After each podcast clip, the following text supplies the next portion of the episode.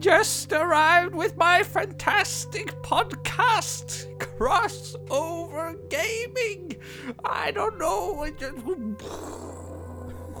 Og takk til deg, Tor Heyerdahl. Og da sier vi hjertelig velkommen til Crossover Gaming, episode 54 har vi kommet til i dag.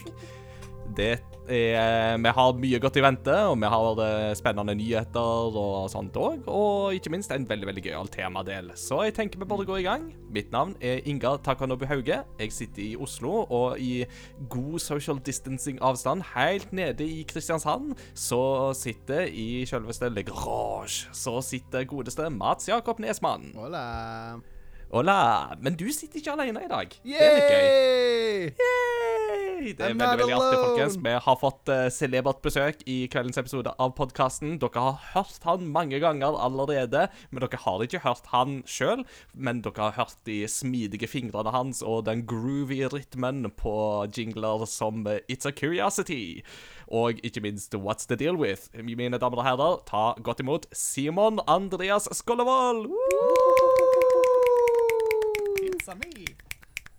It's a you, yes. It's Velkommen, Simon. Jo, takk. Dette Ja, her det- blir hyggelig. Det er kjempeartig å ha deg med, og ser veldig veldig fram uh, til, til dette. her. Vil du bare gi litt sånn kort uh, hvem du er, og hva du driver med? Ja, Uh, jeg heter Simon Andreas Kollevold. Jeg er eh, bosatt i Kristiansand, eh, men er ikke derfra, Nei. kan man si. Det kan man høre òg? Det må være innafor å Ja. si. Um, så eh, litt, litt langt eh, Litt langt unna heimen. Mm. Uh, men uh, ja, bor her, jobber som eh, lærer. Uh, og ja. Ja. Er gift og har barn og Ja. alt sånt. Og bil og Og Riktig, bil. riktig. Jeg kjøpte ny bil Ja, ja, ja. i går, faktisk. Ja, ikke sant? Jeg skal si. Der har vi det. Veldig voksent av meg. Hva kjøpte du? Jeg kjøpte en, en, en eh, eh, blå bil. Ja, det er det dattera di sier? Ja. ja. Det er det. Fargen er viktigst. Det, fargen er det viktigste. Ja. Uh, så det er en blå bil som går på elektrisitet. Oh, er, det en, Oh, fancy. er det en e-golf? Det er en e-golf. Ja. Mm, E-golf. det stemmer. Så bra, så bra. Og der forsvinner right. liksom mystikken med, Ja. med det. Bare for å drepe den. Oh, Nice. Mm. Uh, det ser ut som at det går bra i studio, og dere reiv ikke ned eh, alt, selv om dere dunka litt borti. Og det er veldig bra, for vi har uh, en lang episode med masse innhold foran oss. Uh, bare la tempen litt først. Hvordan går det med deg, Mats Jakob? Nei, det går egentlig ganske bra. Det er jo, altså, det er jo et himla vær her nede. Det blåser så det ljomer etter. Men Det som. Ja, det som letter på et dårlig vær og dårlige klær, det er når jeg får en melding fra vår kjære lytter eh, eh, Jon David, som eh, sender meg en melding og sier 'Vil du ha disse?' Og så er det en kanskje 10 cm høy bunke med kodekort til Pokémon Trading Card Game Online. Og jeg bare 'Ja, det vil jeg'. Eh, endte jo opp med å uh, uh, uh, gi han litt penger tilbake. Jeg kunne ikke, følte ikke jeg kunne ta imot så mye. Og det som er gøy, er at dette er eh, kodekort som er fra de første settene som hadde koder til nettet. Så det er ikke, det er Ah. ikke nødvendigvis liksom du, em, Det er mer sånn nostalgisk enn eh, sånn supernyttig i spillet. Fordi at eh, spillet har utvikla seg til at eh, Pokémon tar veldig mye mer skade enn eh, før. Sånn at det, Mm. det, men det fins jo alt Det fins mange bra kort òg, men eh, men det er mest sånn deilig å, å sitte og bare åpne et par hundre booster packs og bare si 'Å, der var den på. Å, gøy. Å, det kortet. Å.'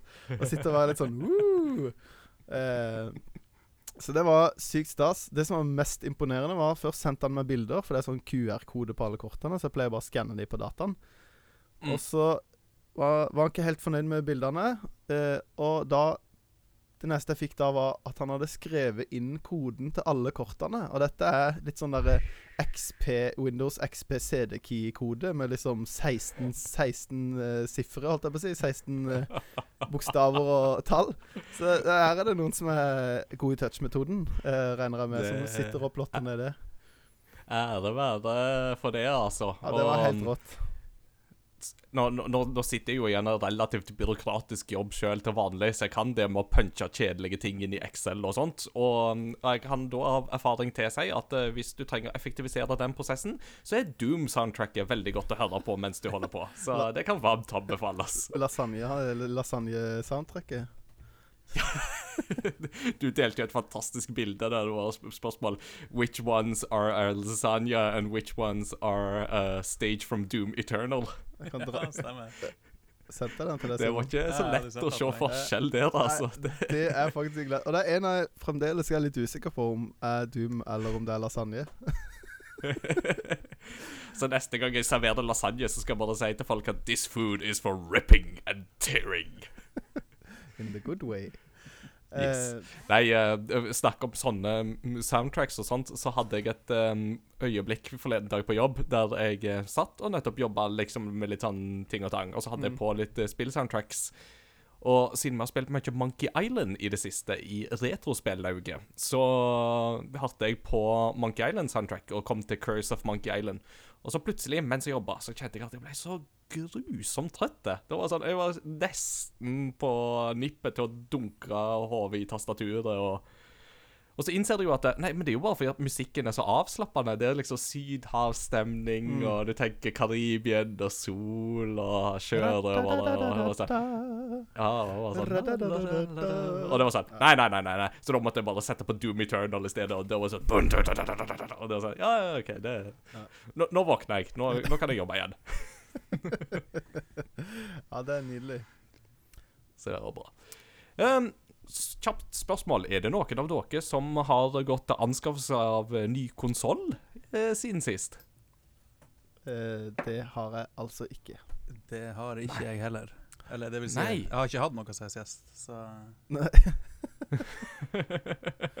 det er sant. Siden sist for deg er jo å Siden det det sist da har du fått selv. Super Nintendo, du Ja, har jeg fått fikk Super Switch. Nintendo og Switch, uh, og så lånte jeg en eh, PS3. Ja, ja, ikke sant? Ja. Riktig, riktig. Men du har Nei, kanskje men fått noe eh, mer spennende? jeg må kunne melde at jeg har fått uh, Jeg har fått én konsoll, og jeg har fått tak i en annen konsoll, så det er sånn yeah! I uh, dagens uh, I opptakets stund så er det jo lanseringsdag for PlayStation 5, og det har jo vært et salig strev for folk å få tak i dette. Men jeg var faktisk så heldig at jeg uh, sikra meg en på nett og nett klokka åtte. Og den får jeg i desember, så det blir veldig stas. Eh, men Xbox Series X har jeg fått i hus, Eh, så det er jo veldig spennende. Um, jeg har derimot ikke hatt sånn supermye tid til å teste den. eh, litt fordi at eh, hva jeg har spilt siden sist, kommer litt inn i det bildet der. Mm. Så liksom de store inntrykkene det tenker jeg de skal vi spare til neste episode. For da har vi besøk, og vi skal snakke masse om både PlayStation 5 og Xbox. Så stay tuned for that. Men blir førsteinntrykket er veldig, veldig bra. Mm. All right. Med det så tenker jeg at uh, det er egentlig bare å gå i gang. La oss høre litt fra lytterne våre.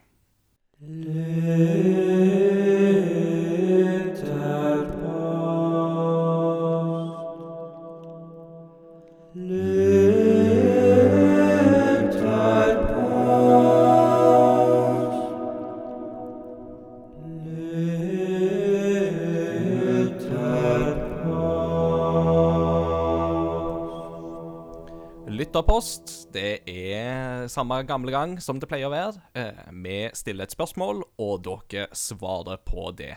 Det kan dere svare på enten i vår Discord-server eller på vår Facebook-side. Og link til begge deler finner du på crossovergaming.no.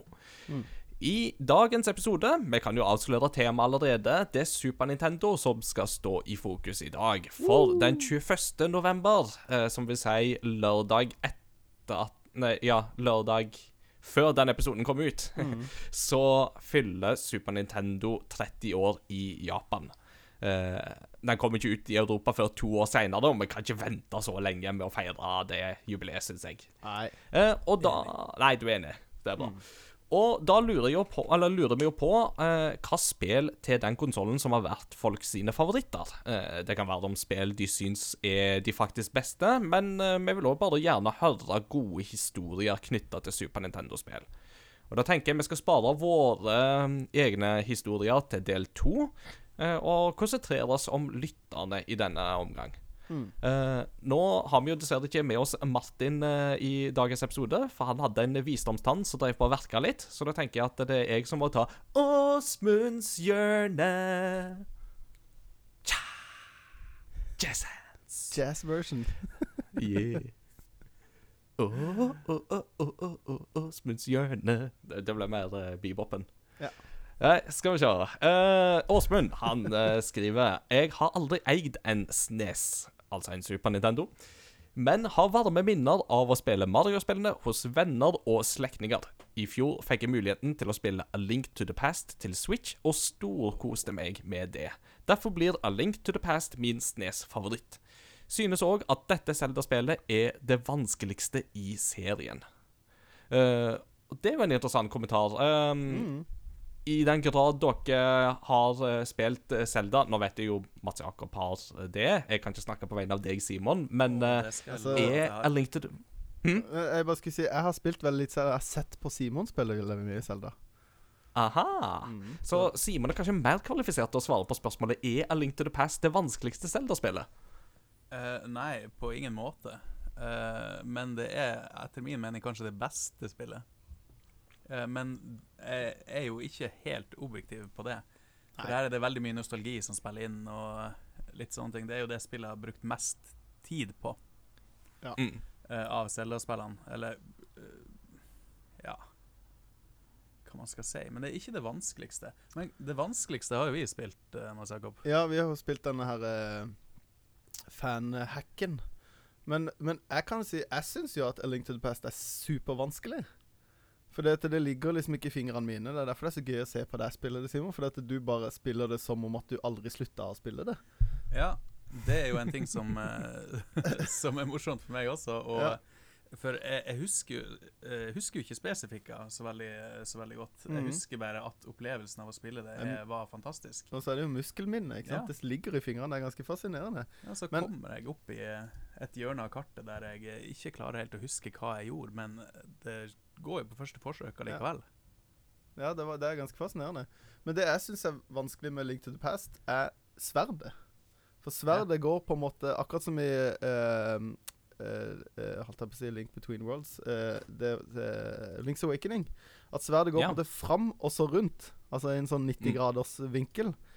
Uh, og hvis du står da feil, så bommer du jo. Så du svinger på en Mm. måte til Han er jo venstrehendt, så du svinger på en måte til venstre. Blir ikke det riktig? Jo. Eh, så hvis du har en fiende på høyresida, så må du på en måte snu deg for å ta han. Mm -mm. Uh, mens jeg som ikke spilte et 2D Zelda-spill før jeg ble voksen, uh, er jo vant med at du ser i tredjeperson, sånn at alle fiendene posisjonerer du er automatisk foran deg sjøl. Så jeg har liksom aldri hatt problem med den svingradiusen, og det er det som er vanskelig. Jeg sto liksom ved siden av en fiende og bare ta, ta, ta, ta, ta, ta, ta, Og så bommer jeg bare. Og du Ja. sitter og river deg i håret og ser på meg ikke klarer å ta liksom ut de enkleste fiendene og, og liksom tape masse liv. Så eh, jeg kan skjønne Jeg har på en måte litt mer ståstedet som Åsmund har. At eh, jeg spilte det ikke som barn, og derfor er det vanskelig. Og så er det jo tidvis veldig kryptisk òg. Du sier Mm. sånn Å, det var noe med den der tavla, og så bare plutselig så kommer det et tempel opp av sanda, ikke sant? Og det Mm. hadde jo jeg brukt ti dager på å finne ut, eller gått på internett. Ikke sant? Eh, jeg hadde jo ikke internett uh, når jeg holdt på med dette her. uh, og det er jeg på en måte litt glad for. Ja. Uh, for da Det må jo bare bety at jeg har brukt vanvittig mye tid på å spille det spillet. Ja. For det heller klarer jeg ikke helt å huske at jeg brukte voldsomt mye tid. Det husker jeg ikke, men bare husker at jeg, jeg brukte en del tid, og jeg syns det var fantastisk. Ja. Det var ikke noe internett og DVD og SMS den gang. Nei! Driver ikke med sånt! DVD. Vi, vi måtte finne fram sjøl. Og det var sant. Alright. Mye sant i det. Ja. Mye, ja. Mm. Uh, da vet jeg ikke hvem som vil ta neste lytterpost, men det må nok bli en av dere. Jeg kan ta neste, og så eh, tar jeg fra Nikolai, og så kan Simon få lov å ta fra Godspark etterpå. Nikolai skriver Eide en arva nes, men fikk aldri snes. Spilte likevel mange snespill hos venner. Det som satte seg i ettertid, er de store slagene som Super Mario World og Link to the Past, spesielt førstnevnte. Jeg spilte eh, sp eh, spilte et spill med Chip and Dale som vi digga, men usikker på om det var på Nes eller Snes. Gikk mye i begge maskinene i samme tidsrom. Og Chip and Dale er jeg ganske sikker på er et Nes-spill. Eh, Ja. Men eh, pluss én på alt det der, både på Nes- og Snes-spillene, fra min side. Og det er jo eh, Vi må jo snakke litt mer om Mario World seinere, som Ja. er det mest solgte spillet til Super Nintendo, men uh, vi, uh, vi, kommer dit etterpå. Skal vi se, Da kan du få lese her, Simon. Ja. Skal vi se. Jeg sitter faktisk litt langt unna, så jeg må egentlig bare jolste meg nærmere. Uh, Skal du få lov til det.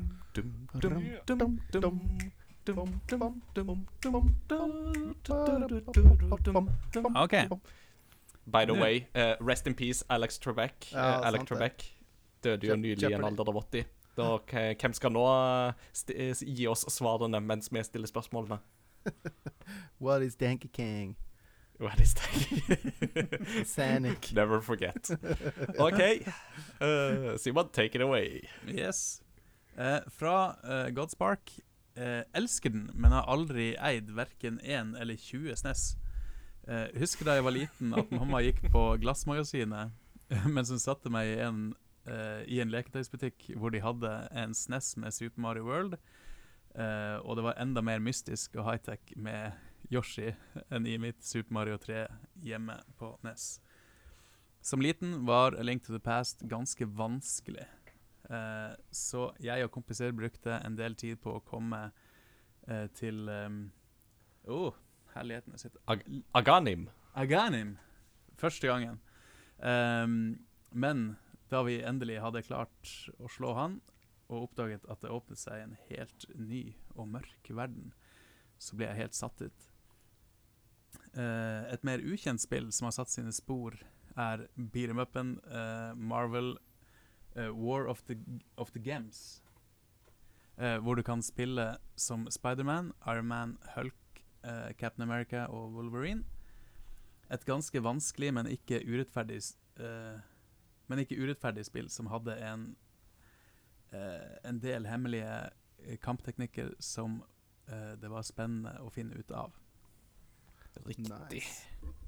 Jeg vet ikke om jeg har spilt det Marvel-spillet, men det kom jo en del sånne kule sånn X-Men og Marvel-spill i Ja. den perioden, vet jeg.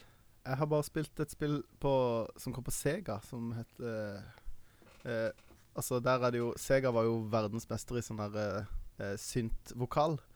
Eh, Mm. Og da høres det Spillet heter Captain America in the Avengers, men det er dette du hører Det er sånn det høres ut på en Sega Megadrive. Der, der fikk jeg flashback. Ja, ikke sant? Sikkert Ah, PTSD for noen som bare Åh, jeg kunne spille! Der er det vel ingenting som slår det der Spiderman-spillet på Sega CD, eller hva det er med han som uh, blir forvandla og bare sånn What's happening to me? Ja, det er så vittig. Og de der Er det sånn FMV-scene? Ja. Ja, åh, de der full motion videogreiene på Sega CD er jo legendariske. Det er helt rått. og magisk. Uh, da tenker jeg at jeg kan ta neste, og da tenkte jeg jeg skulle ta en av våre lyttere som er litt i den andre enden. Eh, For eh, det er jo ikke alltid sånn at eh, folk er enige uh, i vårt community, og det er jo alltid litt spennende. Og Christian Kumlesopp, han er nemlig litt eh, Han føler seg nok kanskje litt som en outsider her, for han skriver 'Vennligst ikke brenn meg på bålet for kjetteri', men jeg har aldri hatt helt sansen for Super Nintendo. Ikke at jeg skjønner hvorfor. Jeg liker både Nes og Gameboy, så det er ikke det at det er gammeldags.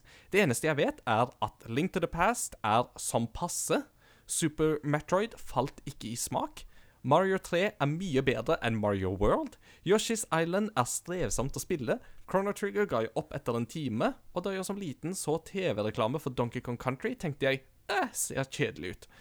Hadde en Snes Mini en gang, men det eneste jeg fikk ut av den, var 200 kroner i profitt etter videresalg. Som sagt, jeg aner ikke hvorfor jeg har fått et slik aversjon mot Snes-spill. Har jeg bare dårlig smak? Eller mistet noen en snes i hodet på meg da jeg var liten? Uansett, beklager min surmagethet. Måtte de andre svarene dere får, være preget av vellyst og glede. Det er kanskje et av de beste svarene vi har fått på lenge. Det her er på høyde med Christer sine svar. Jeg liker det. Absolutt. Nei, eh, jeg, jeg, jeg har ingen gode teorier, Christian Kumlesopp, på hvorfor uh, du har denne aversjonen, men jeg har et svar, og det er søk hjelp. Ja. Så snart som mulig. Ja. Nei, eh, altså, jeg har eh, jeg, føl jeg føler på en måte alle har én konsoll som de ikke liker så veldig godt. Og jeg føler veldig mange har at de sin sånn konsoll er, er Nintendo 64. Det er det for meg. Ja, ikke Faktisk. sant? Både fordi der var kontrollen litt sånn rar. Det var liksom veldig mye bilspill og sportsspill, og liksom noen få veldig gode spill. Men eh, Men det her, det ikke, jeg kjenner ikke så mange som eh, Som er redd for eh, bål og kjetteri eh, av Super Nintendo, altså. Det skal sies. Nei, men det er klart at eh, siden vi tross alt er en spillpodkast med et visst teologisk aspekt over oss òg, så er det klart at folk er kanskje ekstra redde for at vi skal ta brenne dem på bålet. Ja, du som ypperste prest har jo en slags makt som folk ikke eh, helt uh, tør å ta på, tror jeg. Nei, Det eneste vi brenner i Crossover Gaming, det er hekser, og det er kun hvis de veier det samme som en and. She turned me into a newt. A newt? Well, I got better. ja, takk for meg. yeah. yes. Det er så fint når folk tar Monty Pythonen. Ja, det er er alltid så vakkert. Det er så herlig. Jeg var skuffa over meg sjøl at jeg ikke tok den uh, før langt, langt uti der. Det, her er det bare å slenge seg på. Eh, neste kommer fra Exilia litt, eller Sigrun. Eh, hun skriver Jeg har aldri eid en Super Nintendo selv, men hvem vet om det skjer noe på den fronten, siden jeg har blitt mer og mer interessert i retrogaming de siste årene. Takk for god inspirasjon på den fronten, Ingar. Jeg har aldri spilt et spill hele veien gjennom på en SNES. Der har jeg, eh, der har jeg bare prøvd Donkey Kong Country 2 og Super Mario World. Men det er noen highlights i form av porter til Gameboy Advance. Mm. Veldig gøy vinkling, for Gameboy Advancen er jo i praksis en bærbar Super Nintendo. Mm. Det gjelder for eksempelvis Final Fantasy-spillene i 2D, som ble porta over. Har ikke spilt et 3D Final Fantasy-spill. Men eh, også selvfølgelig Link to, eh, Legend of Zelda Link to the Past, som fortsatt er en fryd å spille. Ellers kan jeg ikke unngå å nevne F-Zero, selv om SNES-utgaven har et fantastisk soundtrack. Oh, ja. mm -hmm. Som, som se, eh, selv i SNES-utgaven har et fantastisk soundtrack. Nå er jeg litt redd for at jeg blir outa som Discordens F-Zero-fan nummer én. F-Zero! Det, Simon, du er ganske høyt oppe på den lista der, Det, ja, altså, jeg, eh, jeg eh, koser meg veldig med F-Zero, spesielt ja. soundtracken. Men også spillet i seg sjøl hadde jeg veldig gøy med, men eh, det Ja. Ja. Jeg har et soft spot for F-Zero X-soundtracket. Det er Mm. meg, Det vet jeg du òg har, Inger. Å oh, ja. F-Zero X, det mener jeg fortsatt var min inngangsport til progrock for kjærligheten min. Ja, jeg har, spilt, jeg har spilt mot Ingar i F-Zero X. Don't do it. You'll be humiliated. Eh, til slutt vil jeg nevne et spill jeg ikke har spilt, men som sikkert ikke så mange har hørt om. Eh, det ble bare sluppet i Japan, og med tanke på min forkjærlighet for serien, og generelt hvor godt jeg kjenner storyen i serien, så ser jeg ikke bort fra at jeg skaffer meg, skaffer meg det i en, det en eller annen gang. Dragon Ball Z Super Saya Densetsu, en Dragon Ball RPG. Uh, Oi. Sounds uh, intriguing. Yeah. Ja, nei, jeg vet at uh, Zelia Lith er en uh, hardbarka Dragon Ball-entusiast, så uh, det må vi jo kunne klare å se om vi ikke kan oppdrive i Japan en gang, tenker jeg. Eh, Det fins jo garantert en fan-translation. ja. Og det er en ting vi må komme tilbake til, er jo eh, på en måte miljøet for eh, fan-translations på Super Nintendo er helt eh, Altså, det er gedigent. Mm. Det kan vi snakke om senere. Yeah, det kommer vi tilbake til, vet dere. Mm. Men takk for alle svar fra lyttere. Uh, vi setter pris på alle sammen, selv om vi ikke får lest uh, alle sammen høyt i episoden. Uh, gå gjerne inn på Discord eller på Facebook og sjekk ut eh, svarene. Der er det mange gode mm, perler og smakebiter og minner, ikke minst. Så vel verdt å ta en kikk.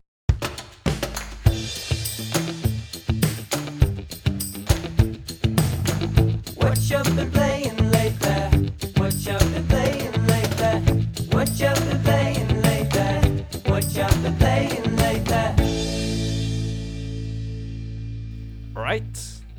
skal vi snakke litt om hva vi har spilt siden sist. Uh, og Simon, siden sist, det vil jo si Ja. uh, helt siden uh, Jeg vet ikke, sånn 1990, 91, 92 Jeg vet ikke hvor tid du er født, jeg. Så Nå er du snill. Nå er du snill. Jeg husker eksakt Nei, jeg husker eksakt Jeg husker ikke eksakt året. Eh, men jeg husker at det var på julaften. Eh, da hadde eh, moderen og faderen gått til innkjøp av en SNES. Eh, før det så hadde jeg jo spilt eh, noen NES-spill hos eh, noen naboer og sånne her ting. Men det var ingen som, eh, som hadde SNES. Eh, Hmm. Så jeg regner med Men jeg vet ikke. Men jeg regner med at det var da den kom. Um, Mm. For det var på en måte en eh, Det var en stor gave til alle oss tre brødre som vi fikk av moderen og faderen. Og vi starta selvfølgelig med Super Mario World, Mm. ja.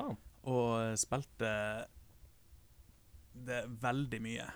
Uh, såpass mye at vi hadde på en måte sånne konkurranser som, om å, om å, om å stå tidligst eh, opp, sånn at vi fikk spille først. uh, og, og det var jo praktisk, da, for det var jo tre ulike save games du kunne ha. Det var jo A, B og C. Mm. Og vi var Ja, tre ja, brødre. Så da, da var det også ganske lett å holde score på hvem som var kommet lengst. Mm. Men var, var, det, var det sånn at eh, eldstemann hadde A-saven, og midten hadde B-saven, og du hadde C-saven? Um, jeg har lyst til å si ja, eh, men sånn. jeg er litt usikker, faktisk. Ja. Men um, om alt var rett i den familien der, så var det vel sånn det ble. Ja. Tenker jeg. Ja, eller at det var sånn eh, Han Simon må få prøve først. Minstemann Ja. må, må, han må prøve først. Der fikk du save game A. Sånn var det hos oss. Mats Jakob må prøve først. Jeg er også minstemann, så det Det er nok, eh, det er nok mulig at det skjedde. Um, Jeg ble faktisk tre minstemenn her. Det er jo Nei! slett ikke så Oi, oi, oi. Dette er lillebrorens pod. Dette er bra. Jeg tror vi må skifte temasang, så fra nå av så skal introsangen vår være Minstemann, minstemann, minste likes ikke er ingen større enn ham. Ja. Sorry. Uh, carry on. Uh, vi Eh, snakker ja, om Super Mario World. Det støttes fullt med sanginnslag. Det jo, jo, ja, ja ehm, Mario World? Mario World, yes, yes. Ehm, ganske tidlig iallfall så, så oppdaga vi jo at det var ulike ting å gjøre i det spillet der. Noen ganger litt med tilfeldighet, og andre ganger eh, bare gjennom et rykte vi hadde hørt Mm. fra noen andre som spilte, at det var mulig å gjøre det i den leveren der, og noen ganger så dro vi på besøk bare for å finne ut av hvordan, hva de mente, og, eh, og alt sånt. mm. Um, så det var jo mye mer sånn uh, word of mouth-saker på den tida. Ja. eh, hvor man spredde et rykte om at det og det var mulig. Eh, og det husker jeg jo også at jeg også i uh, ren sjalusi gjorde. Eh, Spredde falske rykter? ja, jeg, spred, jeg, jeg husker ett falskt rykte som jeg spredde, og det var ehm, eh, når du i en level, som jeg ikke husker hvilken level det er, eh, når man ehm, Når man var i, eh, i eh, undergrunnen, så hopper Mm. man opp eh, i, eh, i en sånn, sånn sak, og så kom det en sånn jeg håper å si bønnestengel Ja. ja. som går oppover. Er det den første is, uh, isbanen? Nei? Ehm, det var ikke isbane. Uh, det, Det var eh, det var lava, husker jeg. Eh, og det er kanskje mulig at det eh, kommer ved borg nummer tre inn i den store caven. Ja. Um, Mm. Men um, jeg er ikke helt sikker. Men det jeg eh, da klarte å overbevise flere stykker om, det var at hvis du klarte å nå igjen den stengeren der, og kom, så på en måte hoppe opp i munnen til den eh, Mm. bønnestengen, eller ja, mangel på bedre ting å kalle den, Ja. så, så Mm. kom du da til en, en hemmelig verden. Oh. Det gikk rundt og spredde. Og det var flere som var sånn, eh, som var sånn jeg prøver og prøver, prøver, men jeg får det ikke til. Og så var det noen som sa Å, jeg fikk det til i går. «Å, det var skikkelig gøy. Og så, vet du at de lyver. ja, ja. Det er så dårlig gjort å spre et falskt rykte, og så når folk liksom spiller med på det, så sitter du der bare jeg vet at du lyver. Ja, ja, ja. Det var en fin måte å mappe kompisene eh, på en måte, Ja. når man var mindre. Er han en lyger? Eller er han en sånn som lyver. Det er fascinerende med den perioden i, i gaming òg, fordi at det, det var jo mange av de tingene som var sant.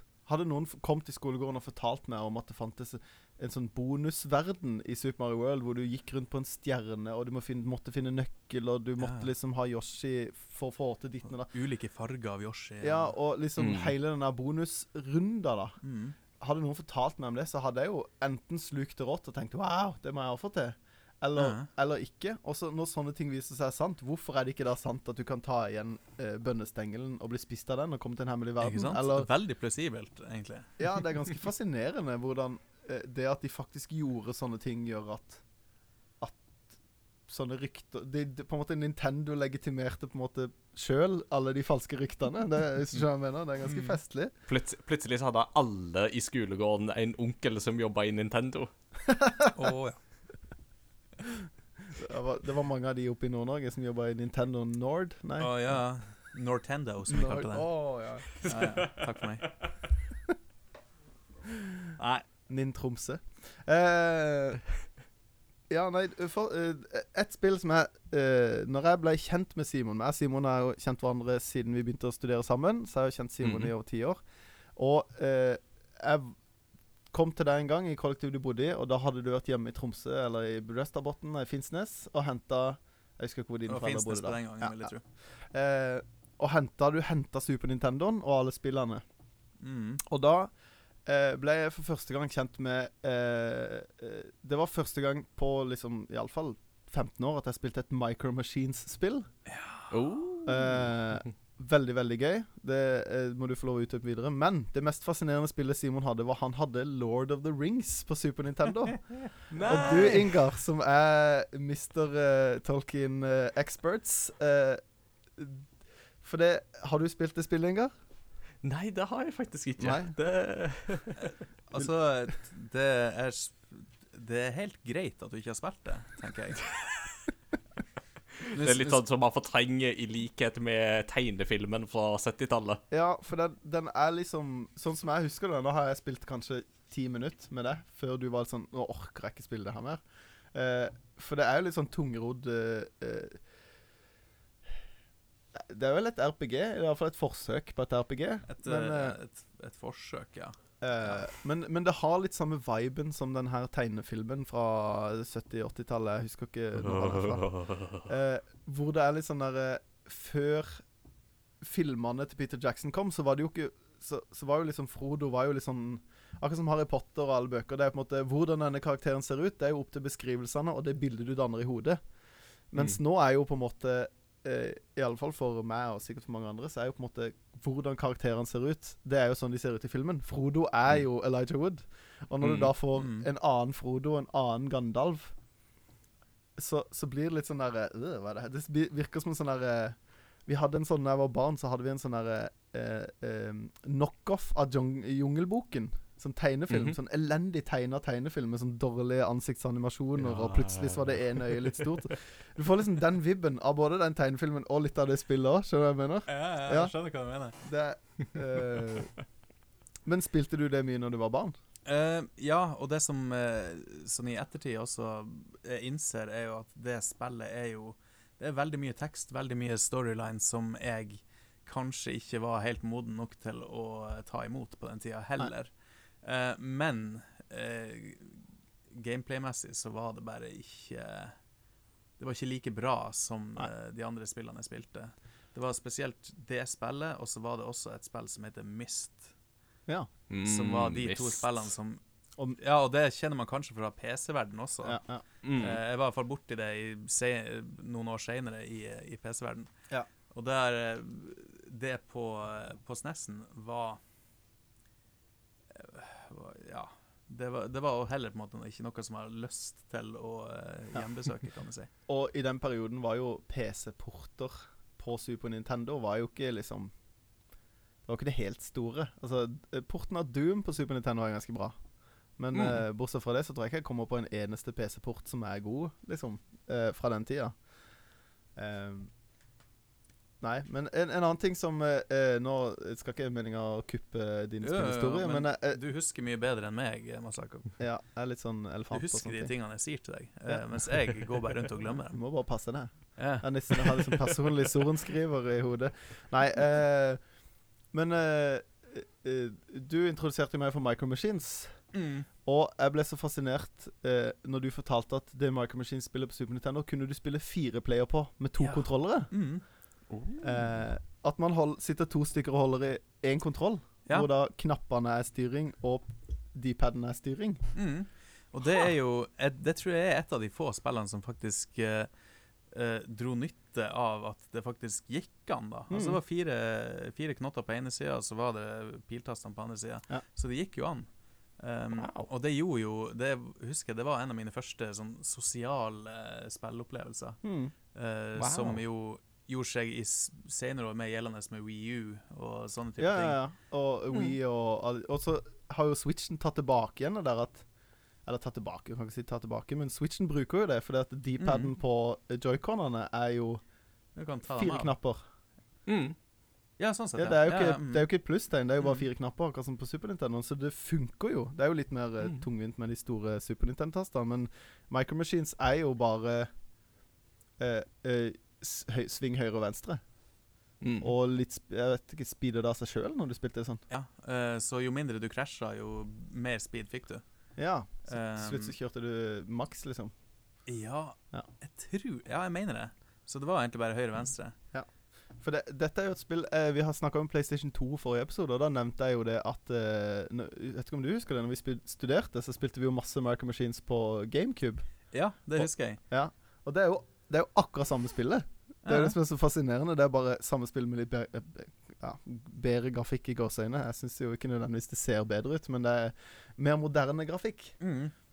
Eh, men det er jo akkurat samme spillet, og eh, vi hadde det jo helt ekstremt gøy med det spillet. Så jeg ser jo for meg at du og brødrene dine koste dere ganske mye med det spillet, dere òg. ja, men det er jo som, eh, som med brødre, så, så er det jo Var det jo Jeg husker, jeg husker en del krangler også. Mm. eh, Mm. Med de jeg, jeg spilte med, om det var brødrene mine eller søskenbarna mine, eller hvem det var når jeg spilte med. Mm. så, um, så var det fint mulig å sabotere for den andre. Uh, Ja. uh, men så var det jo også veldig veldig gøy når du blir liggende helt fremme i bildeframen, og de andre var bak, og så var det like før dem måtte, hvis, dem, hvis jeg kjørte bra nok til at de uh, havna utafor framen igjen, så, så falt de jo ut, og da vant jo jeg. Og det var, det var, Så det kan. var veldig, veldig gøy. Det er ganske gøyalt. Nå har vi jo egentlig forgrepet litt på del to her, så jeg tror kanskje vi må eh, hoppe litt, vi hoppe litt videre. Uh, Hvis vi tenker litt sånn eh, nyere s- spillhistorie, Ja, skal vi ikke gjøre det? liksom litt videre, da, så hva Hvis, du, hvis vi går litt mer eh, til dagen i dag uh, Ja, dagen i dag har jeg ikke da? spilt eh, noen ting. Uh, men jeg har vaska, eh, og jeg har bør i ved. Eh, Har du satt opp fugleband òg, siden du er bassist? eh, nei, det har jeg ikke. Men Nei. det er vel en av de få tingene jeg ikke har gjort i dag. Ja. Eh, Da men jeg har lagt et- ungen, da, så jeg har jo lagt fugleband Nei, det høres ut som et uh, Noen burde kalle lage et sånt uh, Prøysen coverband som, som heter Fugleband. Ja. Mm. ja, ja, ja. Jeg Eh, har tenkt på det mange ganger. men uh, du har jo spilt et av eh, eh, hva skal jeg si, redaksjonens favorittspill. Eh, det godt mulig. Ja, The Witcher 3. Witcher 3, ja. Ja. Den eh! Og den f- Altså Det er snålt hvordan det der skjedde, altså. Men det var en periode hvor eh, For jeg liker jo å spille de litt sånn store open world-spillene og sånne ting. Mm. Og så var det liksom Det var litt tørke på Switch-fronten, kan du si. Ehm, på sånne type spill. Jeg, jeg spilte vel uh, eh, Breath Zelda, of the Wild. ehm, og for øvrig elska det. Mm. Uh, Mm. Så fantastisk spill. eh, som Mhm. kilte på alle de riktige nostalgiknappene. Mm. Eh, og, eh, men også på en måte, den litt mer moderne, åpne verden og veldig bra lagd spill. Så, Men så var det ikke noe mer, da. Så da, eh, da ble det sånn at uh, jeg, jeg kikka litt uh, Hva man skal si tilbake på Mm. Witcher 3. Uh, for at jeg har hørt veldig mye bra om det. Mm. Eh, og ja, snakka med deg blant annet om at jeg vurderte å kjøpe det, og da nevnte jo du flere som elska det spillet Ja, der. ja, for det er jo eh, en av dine favoritter, Ingar, og absolutt en av Kristians Christians favoritter. Og jeg vet at Martin nå er veldig glad i det når han endelig begynte å spille det. Jeg har jo ennå ikke spilt det. Don't shoot me. Eh, Men eh, du kan, nå kan du jo til og med spille The Switcher, ikke sant? Altså, du kan jo til og med spille det på Switch. The Så. Switcher. Å, der er du god. Uh, ja, jeg tror jeg må låne deg det, Simon. Jeg har Ja, lyst til å det spille kan du det. bare gjøre. Uh, Men- Nå har jeg spilt Kjøpte jo alle DLC-ene i samme slengen, for det var ikke noe vits å ikke gjøre det. Mm. Um, så nå er det vel bare noen sånne småting jeg ikke har uh, gjort i det spillet, uten at jeg um, Jeg har vel ikke, har ikke gjort, eh, gjort alle Sunken Treasures på Skellige, eh, for det var Nei, så vanvittig mange. Um, men uh, utover det så har jeg utforska ganske, ganske greit de ulike, Ja. ulike stedene. Det var en ganske lang tid hvor, uh, hvor uh, hver gang jeg spilte Switch, så kom det opp en sånn bling You have one friend online. Simon Ja, is playing det. The Witcher 3. jeg, jeg hadde et spørsmål i den forbindelse. Ja. Siden, altså, nå har vi jo hatt veldig få innom podkasten vår som har røtter nord for Trondheim. Uh, så Ja, det er jo så er spørsmålet mitt Har du vært Norge, dette her? Er det sånn å forstå? Ja, ja. Ja, ja. ja det, vi, vi tar sjølkritikk på det, altså. Det, det, det, Er derfor jeg er kvotert inn? Er det det? Ja, ja. Dialektkvote. Rett og slett. Uh, nei da. Men uh, spørsmålet mitt er jo da Har du vært i Lofoten noen gang? Ja, i på ekte, eller uh, på Skellige? Ja, for det er spørsmålet mitt. Altså, Har du vært i Lofoten, og har du vært i Lofoten? Og spørsmålet er er det noen likheter. Lofoten. Uh, eh, nei, altså Skellige er jo ganske Det eneste likheten er kanskje at det er litt værhardt. Ja. Eh, men det er en ganske stygg eh, plass, syns jeg, til å være kyst og alt sånt. Så det er Bodø. Åh, oh, nå shots fired. Nei, altså, jeg, Shots du treffer hjertet mitt, altså, for jeg er jo fra Troms. Så all, alle muligheter for å sparke på Bodø Sparke eh, nedover. Sparke nedover. Ja. Det er det man gjør i nord. Jeg, jeg, jeg, har vært både i Tromsø og i Bodø, og det var ikke tvil om hva som var den vakreste byen av de to, altså. Så Det, no sant. men um, that's just my opinion. Ja. Det, altså, Tromsø er jo byen i mitt hjerte. Uh, sånn, Ja, det- i, I nord, iallfall. Ja, og det forstår jeg veldig godt.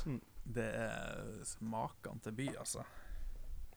Mm. Nå, uh, jeg, jeg kommer jo ikke fra Tromsø, men jeg, det er jo på en måte byen min allikevel. Du har bodd Mm. der lenge. Ja. bodd der lenge, gikk på videregående der og Mm. sånne typer. Yeah. Supert. Så um, Switcher og diverse store rollespill og Breath of the Wild, er det noe er det noe mer du vil slenge til, litt sånn på tampen? Nei, altså, jeg har begynt å kikke på, eh, på den nye, nye demoen uh, til eh, Hva var Hy- Hyrule eh, Warriors, ja. Ja. Ja. Den har jeg spilt uh, ca. en halvtime av, Ja. og ble eh, ganske sånn Ja. Det, ikke helt den, den typen eh, eh, Den typen spill jeg vil gå for, men samtidig så kommer liksom den nostalgien inn, uh, Mm. og, eh, Mm. og uh, gjør at det faktisk er ganske Ganske underholdt Ja. eh, på den korte tida, men eh, det vil jo vise seg hvor lenge man blir underholdt av det. Det er ganske forlokkende, Ja. den der, eh, det at du kan få vite mer. Men dette vet jo du mye mer om, Ingar, enn eh, det vi gjør. Ja, det er jo en perfekt Mm. segway over til meg, for jeg har oh jo faktisk spilt gjennom hele Hyrule Warriors og anmeldte for eh, Game Rector, så det er jo det jeg har pusla med de siste dagene, og det er jo derfor det ikke har blitt så mye um, Xbox-spilling på meg heller. Mm. Uh, den har jeg liksom fått satt opp og bare sjekka at funker nesten. Men uh, Hyrule Warriors er jo det som har tatt mest tid. Mm. Uh, så bare sånn for å gi folk en litt sånn kort introduksjon, så er jo dette da Breath of the Wild-verdenen, men det er jo da satt til The Age of Calamity, som er jo da 100 år før Breath of the Wild. Det er jo da Ganons styrker går til angrep på Hyrule, eh, Mm. og de som har spilt Breath of the Wild, vil jo kanskje huske at Link kan jo få noen sånne flashbacks til hvordan ting som skjedde mm. for 100 år siden. Og det er den historien vi nå får fortalt i mye større grad. Eh, men gameplayet er jo da ikke sånn som i Breath of the Wild. Det er jo nærmere Dynasty Warriors-serien. eh, Det som også gjerne kalles for Muso-formelen. Mm. Som jo da basically er at du er en kar som er superduper computersterk, og kan banke hundrevis av fiender med ett slag om gangen. Litt sånn som Sauron i starten av uh, Ringenes herre, uh, Fellowship of the Ring. Uh, se, se for deg det. Da har du liksom Musa i Ja, praksis. bra sammenligning. Jo, takk. Eh, men altså, Hyrule Warriors var jo et spill som masha sammen Zelda-serien med den spillmekaniske formelen. Eh, det kom på Wii U i 2014, Mm. og så ble det relansert på 3DS og på Switch. Eh, men det var ikke der, der hadde de på en måte ikke en sånn etablert story eller noe sånt. Der var det litt sånn på en måte De bare slang inn masse ting fra Zelda og var veldig sånn fanservice i. Mm. Eh, denne gangen så har de jo da faktisk fått Nintendo mer med på laget for å lage en mer historie rundt det og sette det i en verden som jeg kjenner. Uh, og det er jo sånn Du sa det egentlig veldig bra, Simon. At det er jo Det er litt annerledes, men det er samtidig en sånn Du får en veldig godfølelse likevel mens du spiller det. Uh, for de, de har jo virkelig fanga den Breath of the Wild-følelsen som det gir av grafikk og lyd og rollefigurer. Ja. Helt enig. Så Enig. Mm. Så eh, jeg tror det var Jeg leste vel på Kotaku, var det vel, hadde eh, Var ikke så positive til det spillet, men det var det sånn Lady Urbosa. You can play as Lady Urbosa. She is awesome. There, that's the review. og, det, og det er jo litt sånn, ikke sant, for at her får du spill Altså, um, jeg skal jo ikke spoile hvor mange rollefigurer man får spille som. Jeg kan ikke spoile alle engang, uh, due to agreements. Men uh, du får jo blant annet eh, lov å kontrollere de, de fire champions uh, fra Breath of the Wild. Eh, de som da får ansvaret for hvert sitt divine beast. Disse her mekaniske Mm. maskinene som jo skal stagge Gannon og hans styrker.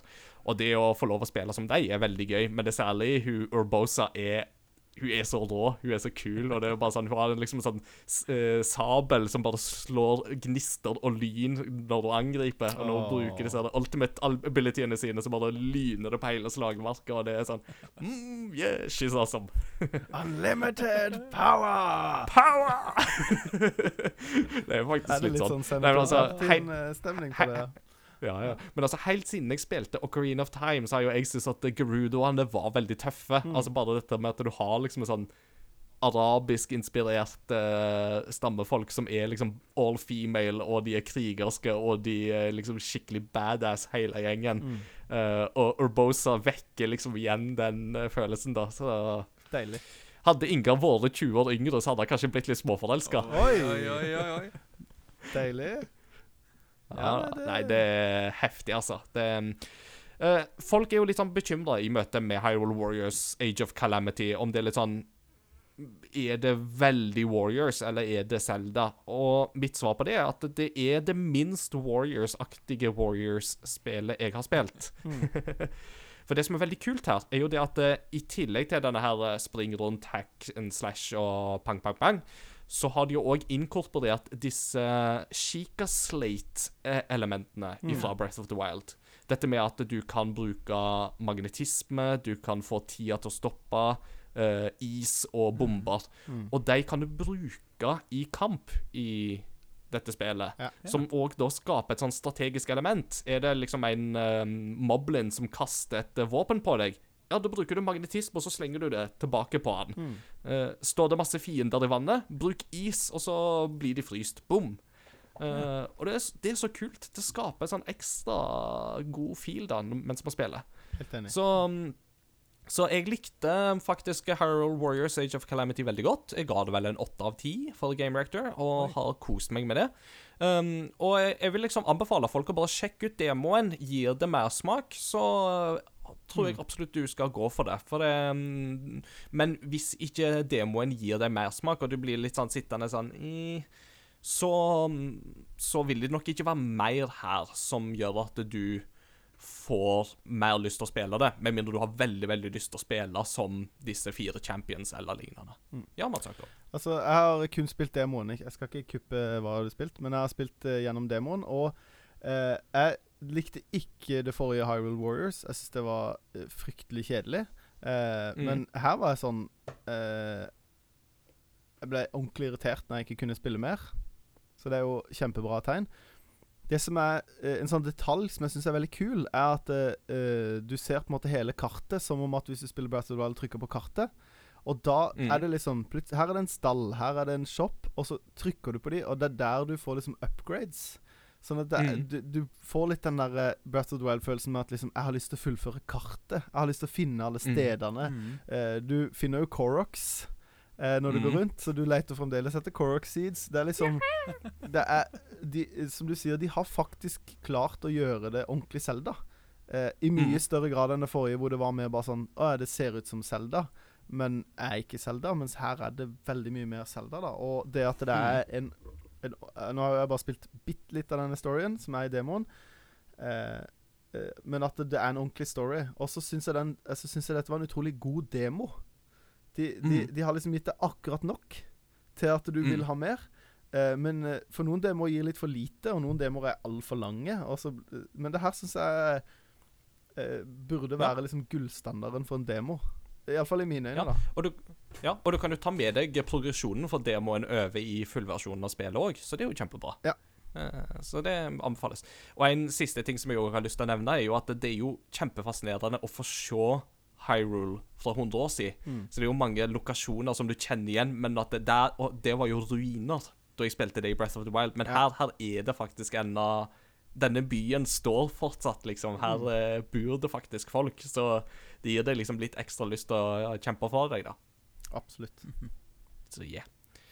Så det er det jeg har brukt mest tid på. Uh, jeg har òg spilt Star Wars Squadrons. Uh, dette flyspillet som kom ut i oktober, og der folk var sånn Hæ, er det ikke mikrotransaksjoner i dette spillet? Ja, det er Eh, fascinerende at det ikke er det. Altså, ja, ja. Veldig Um, og det funker veldig bra. Uh, det er kjempegøy. Um, det vil si, jeg har kun spilt eh, story-delen så langt. Jeg har ikke fått spilt multiplayer-delen ennå, og jeg mistenker at det er der det er mest gøy. Uh, storyen er liksom Den er akkurat passe. Den gir deg ikke noe sånn veldig store høydepunkt, men det gir deg en grei eh, historie om Vanguard Squadron og Titan Wing, som er da henholdsvis på New Republic-sida og på Imperial-sida. Dette er jo da rett etter Return of the Jedi. Um, og for å ta en lang historie kort, i Expanded Universe så får en jo se at eh, selv om dødsstjerner sprenger og keiseren dør, så opphører jo ikke imperiet å eksistere sånn umiddelbart. Det er en sånn gradvis prosess der restene av imperiet blir jo kjempa mer og mer tilbake. Ja. Og dette er jo litt en del av den fasen som du ser da. Uh, og det som er veldig gøy, er at de har vevd inn ganske mange av disse rollefigurene fra Expanded Universe. Uh, på imperiesida så får du annet se Admiral Ray Sloan, som er mer eller mindre de facto lederen for imperiestyrkene etter Return of the Jedi. Eh, på New Republic-sida så får du treffe folk som Wedge, som jo er en av disse klassiske pilotene, men du får også treffe Hera Syndulla, som man kanskje kjenner fra eh, Star Wars um, Rebels. Mm. Kjempebra rollefigur derifra. Eh, for Hugo går jo hen blir jo en general i New Republic-sida etter hvert. Uh, Spillet i seg sjøl er jo da space combat, eh, som vil si at du har helt fri bevegelse i liksom alle akser. Og det vil si at eh, hva som er opp og hva som er ned, det er det du sjøl som må bestemme. Så det er ikke noe sånn at du hele tida har noe som er sånn dette er ned. Eh, og det kan være litt forvirrende, men det er òg veldig, veldig kult. Mm. Eh, for eksempel så er det en base som er sånn Her må du ta og så fly en Y-wing, og så må du slippe bomber langs ekvatoren på denne basen. Så da må du svippe eh, Y-wingen 90 grader, sånn at eh, rombasen er under deg hele tida. Ja. Eh, selv om du normalt ville liksom tenkt at nå flyr jeg på skakke, og så slipper du bomber. Fett. Eh, veldig, veldig kult, altså. Um, og veldig gøy å kontrollere og styre og, og sånt. Og så er det veldig gøy med at um, i Star Wars er det jo sånn at de er jo sånn uh, Divert power to front shields. uh, og at det er litt sånn Ja, eh, ikke ha så mye futt på mm, våpnene, men mer på skjold. Mm. Og da på frontskjold. Eller nei, nå må vi ha på bakskjold. Nei, nå må vi ha mer fart. og det er at du har liksom alltid en viss mengde med energi, men så må du fordele den. Og det har de jo da integrert i dette spillet, sånn at du må faktisk ta de justeringene der. Kult. Og det, det er kjempekult. Det funker så bra. Spiller du det på PC? Jeg spiller det på PC, ja. Ja. For um, da jeg fikk en kode til det, som jeg da har testa. Ja. Um, det skal jo ha veldig bra VR-støtte, dette spillet her. Ja, og jeg ser for meg at i VR så er det kjempekult. Uh, men jeg har bare PlayStation VR, uh, og ikke på PC. Ja. Så jeg har ikke fått testa det i VR. Ikke sant? Jeg bare tenkte på VR-en med en gang de begynte å snakke om at du bestemmer hva som er opp og ned. Så tenkte jeg bare, Det er lettere sagt enn gjort når du står Eller det er kanskje enda mer forvirrende når du har på deg et VR-headset. Plutselig føler du at du står på hodet, og så er det egentlig riktig vei. Ja, det må jo være eh, Mm.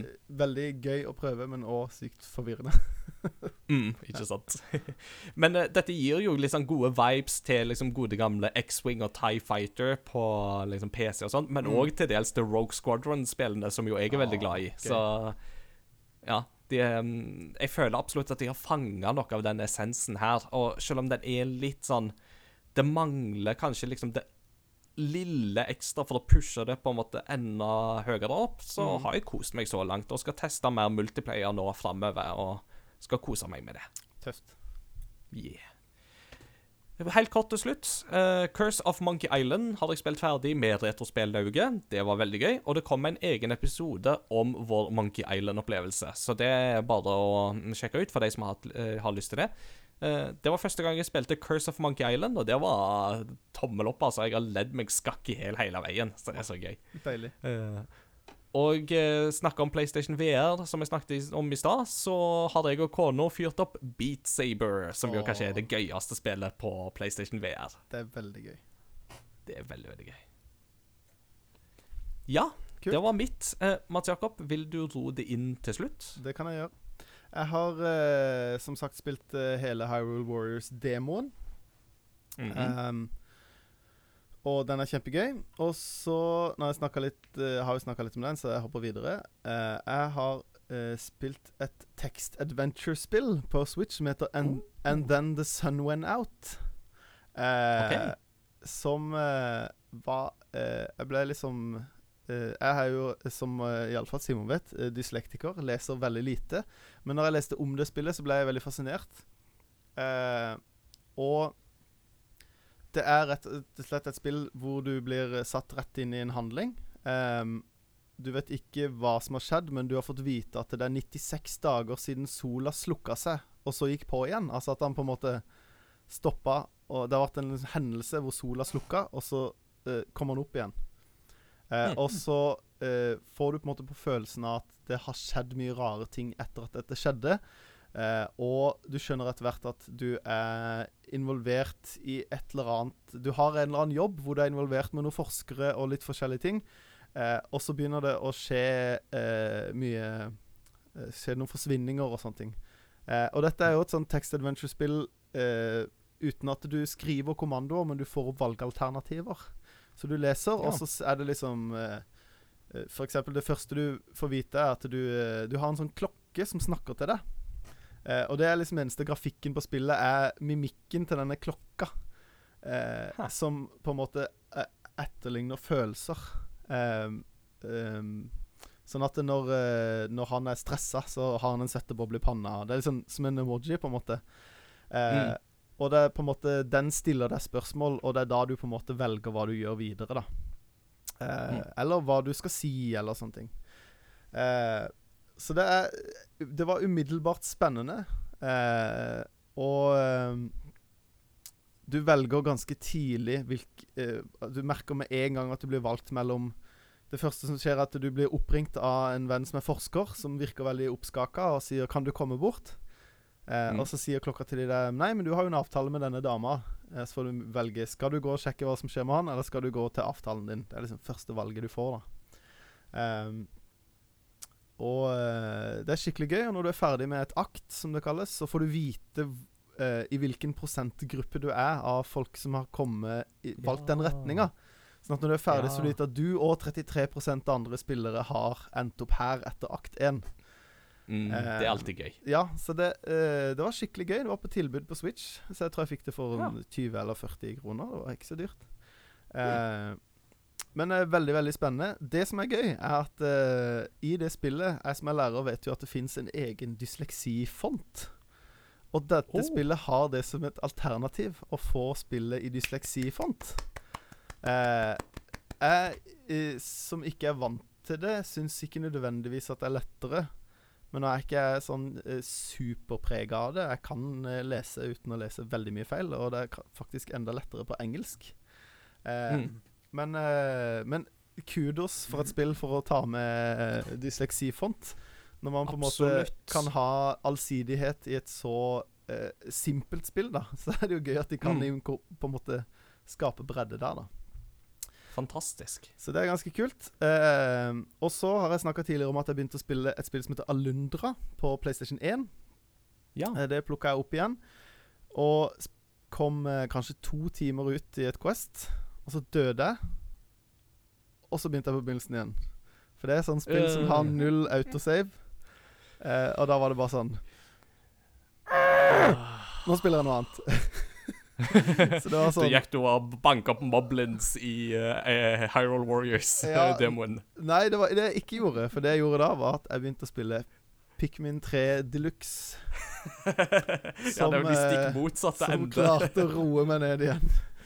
For det Åh. er et ustyrtelig koselig spill. Jeg har oh, spilt ja, jeg eh, Jeg, jeg spilte treen på Wii U eh, Ja. da det kom ut, Ja. Eh, og jeg antar at det har holdt seg.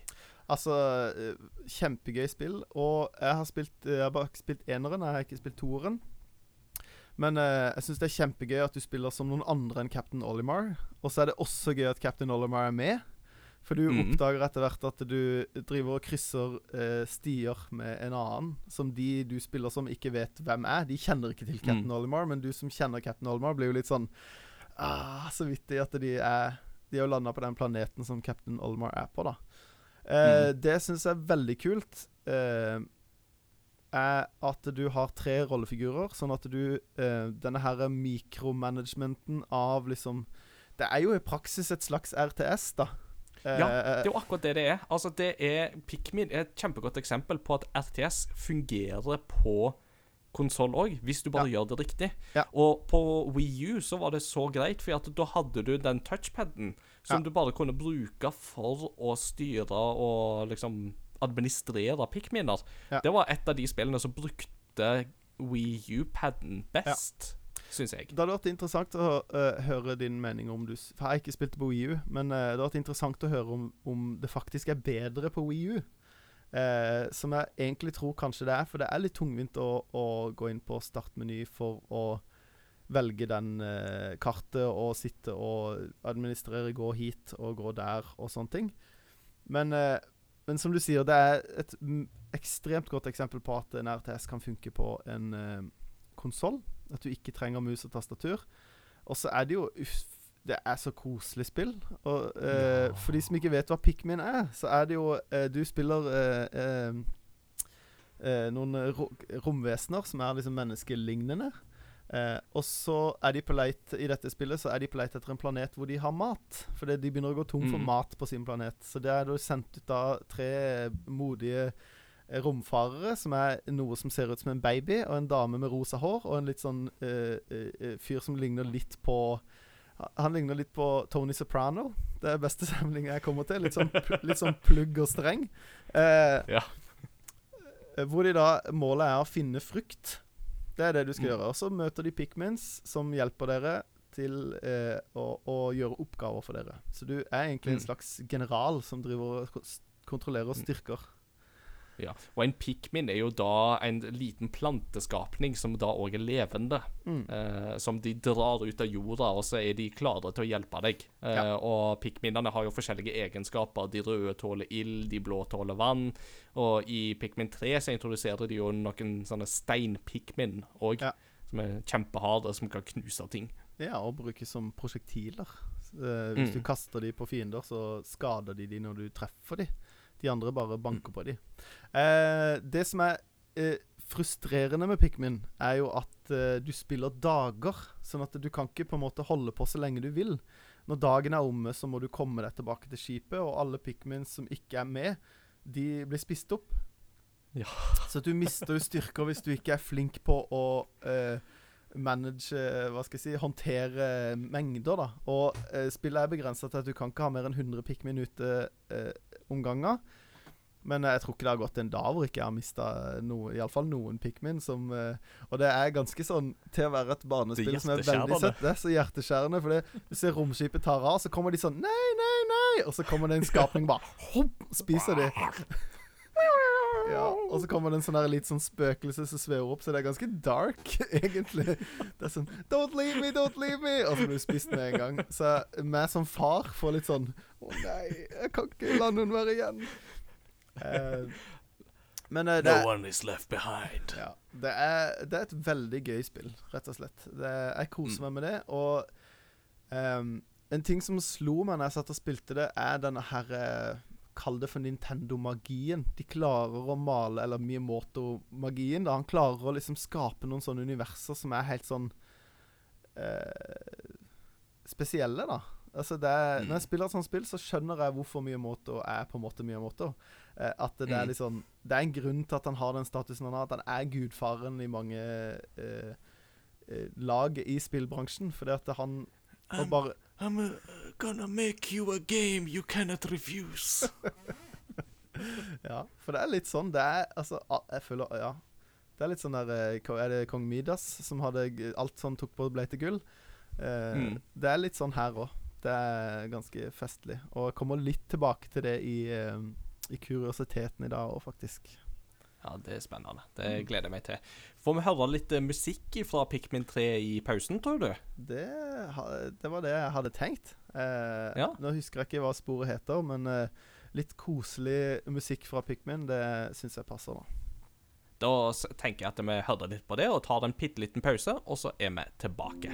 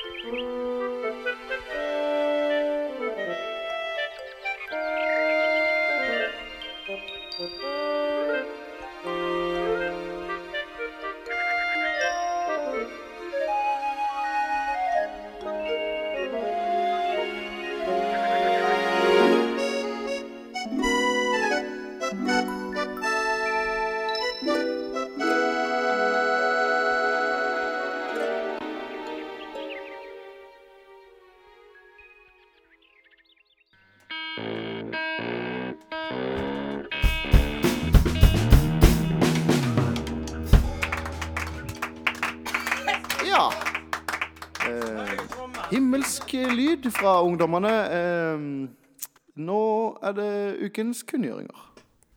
All right. Da har vi kost oss med litt eh, Pikmin-musikk, og kunngjøringene er klare. Det har skjedd litt uh, par ting siden sist, så vi går litt gjennom det. Uh, først av alt, uh, etter forrige episode så ble det annonsert en etterlengta remaster-pakke.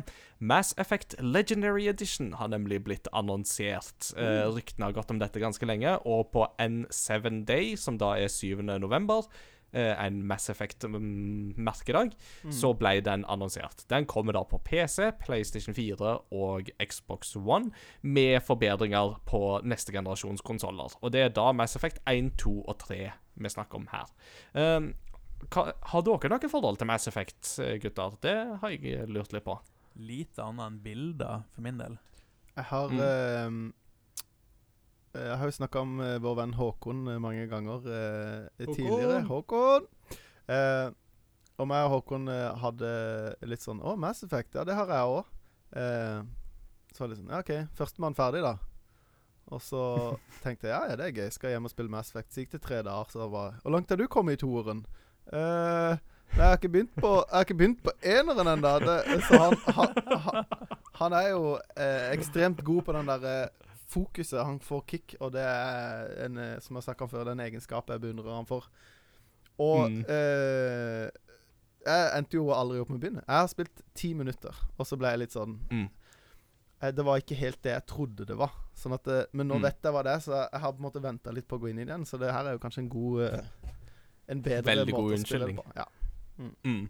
Eh, og altså, de første ti minuttene av einen, altså det første oppdraget, kan være litt steilt, men eh, det tar seg veldig fort opp, altså. Og jeg eh, for min del har jo venta på at denne pakken skal bli annonsert, og så Mm. ah, Jeg gleder meg til å gå inn igjen der, altså. Det er så bra trilogi. Det er det sånn For meg så er liksom Mass Effect er liksom en sånn hybrid av alt jeg liker med science fiction. Det er liksom det beste for Star Wars, beste for Star Trek, beste for Battlestar Galactica, beste Mm. for Babylon 5. eh, Og liksom bare sånn Tar alt i ei gryte, og så mikser du det opp, så Ja. Så blir det veldig bra. Nei, jeg, jeg har eh, eh, Jeg har også hørt mange si at man egentlig bare kan skippe eneren og gå rett på Mass Effect 2. Eh, Ja, sånn jeg syns storyen er verdt å få med seg, Ja, da. Gameplay-messig. Mm. Ja. Ja. Det, det kan jeg være enig i. Eh, Snakk om å blande ting sammen. Uh, så er det jo en som liker å drikke ting som er blanda. Uh, Iallfall hvis de er shaken, not stirred, nemlig James Bond. Uh, og sånn, Apropos at vi snakket jo om James Bond i forrige podkast, så nevnte vi jo på det at det er veldig lenge siden det har kommet et James Bond-spill. Men nå er det faktisk akkurat i dag annonsert at uh, et nytt James Bond-spill er på vei, og det er IO Interactive, de som lager Hitman-spillene, som står bak. Kult. Eh, bare litt sånn meg som er over gjennomsnittlig glad i Ready Player One. Er Ja. det IOI som lager det spillet her? Ja. Stay away, children. Stay away. Innovative Online Industries. Ja, jeg lurer på hvor mange kommentarer de har fått på det eh, opp gjennom årene. Ja, Men jeg, jeg syns jo at den kombinasjonen er perfekt. Altså At det er de som lager Hitman, og som Altså, de nye Hitman-spillene er jo veldig bra.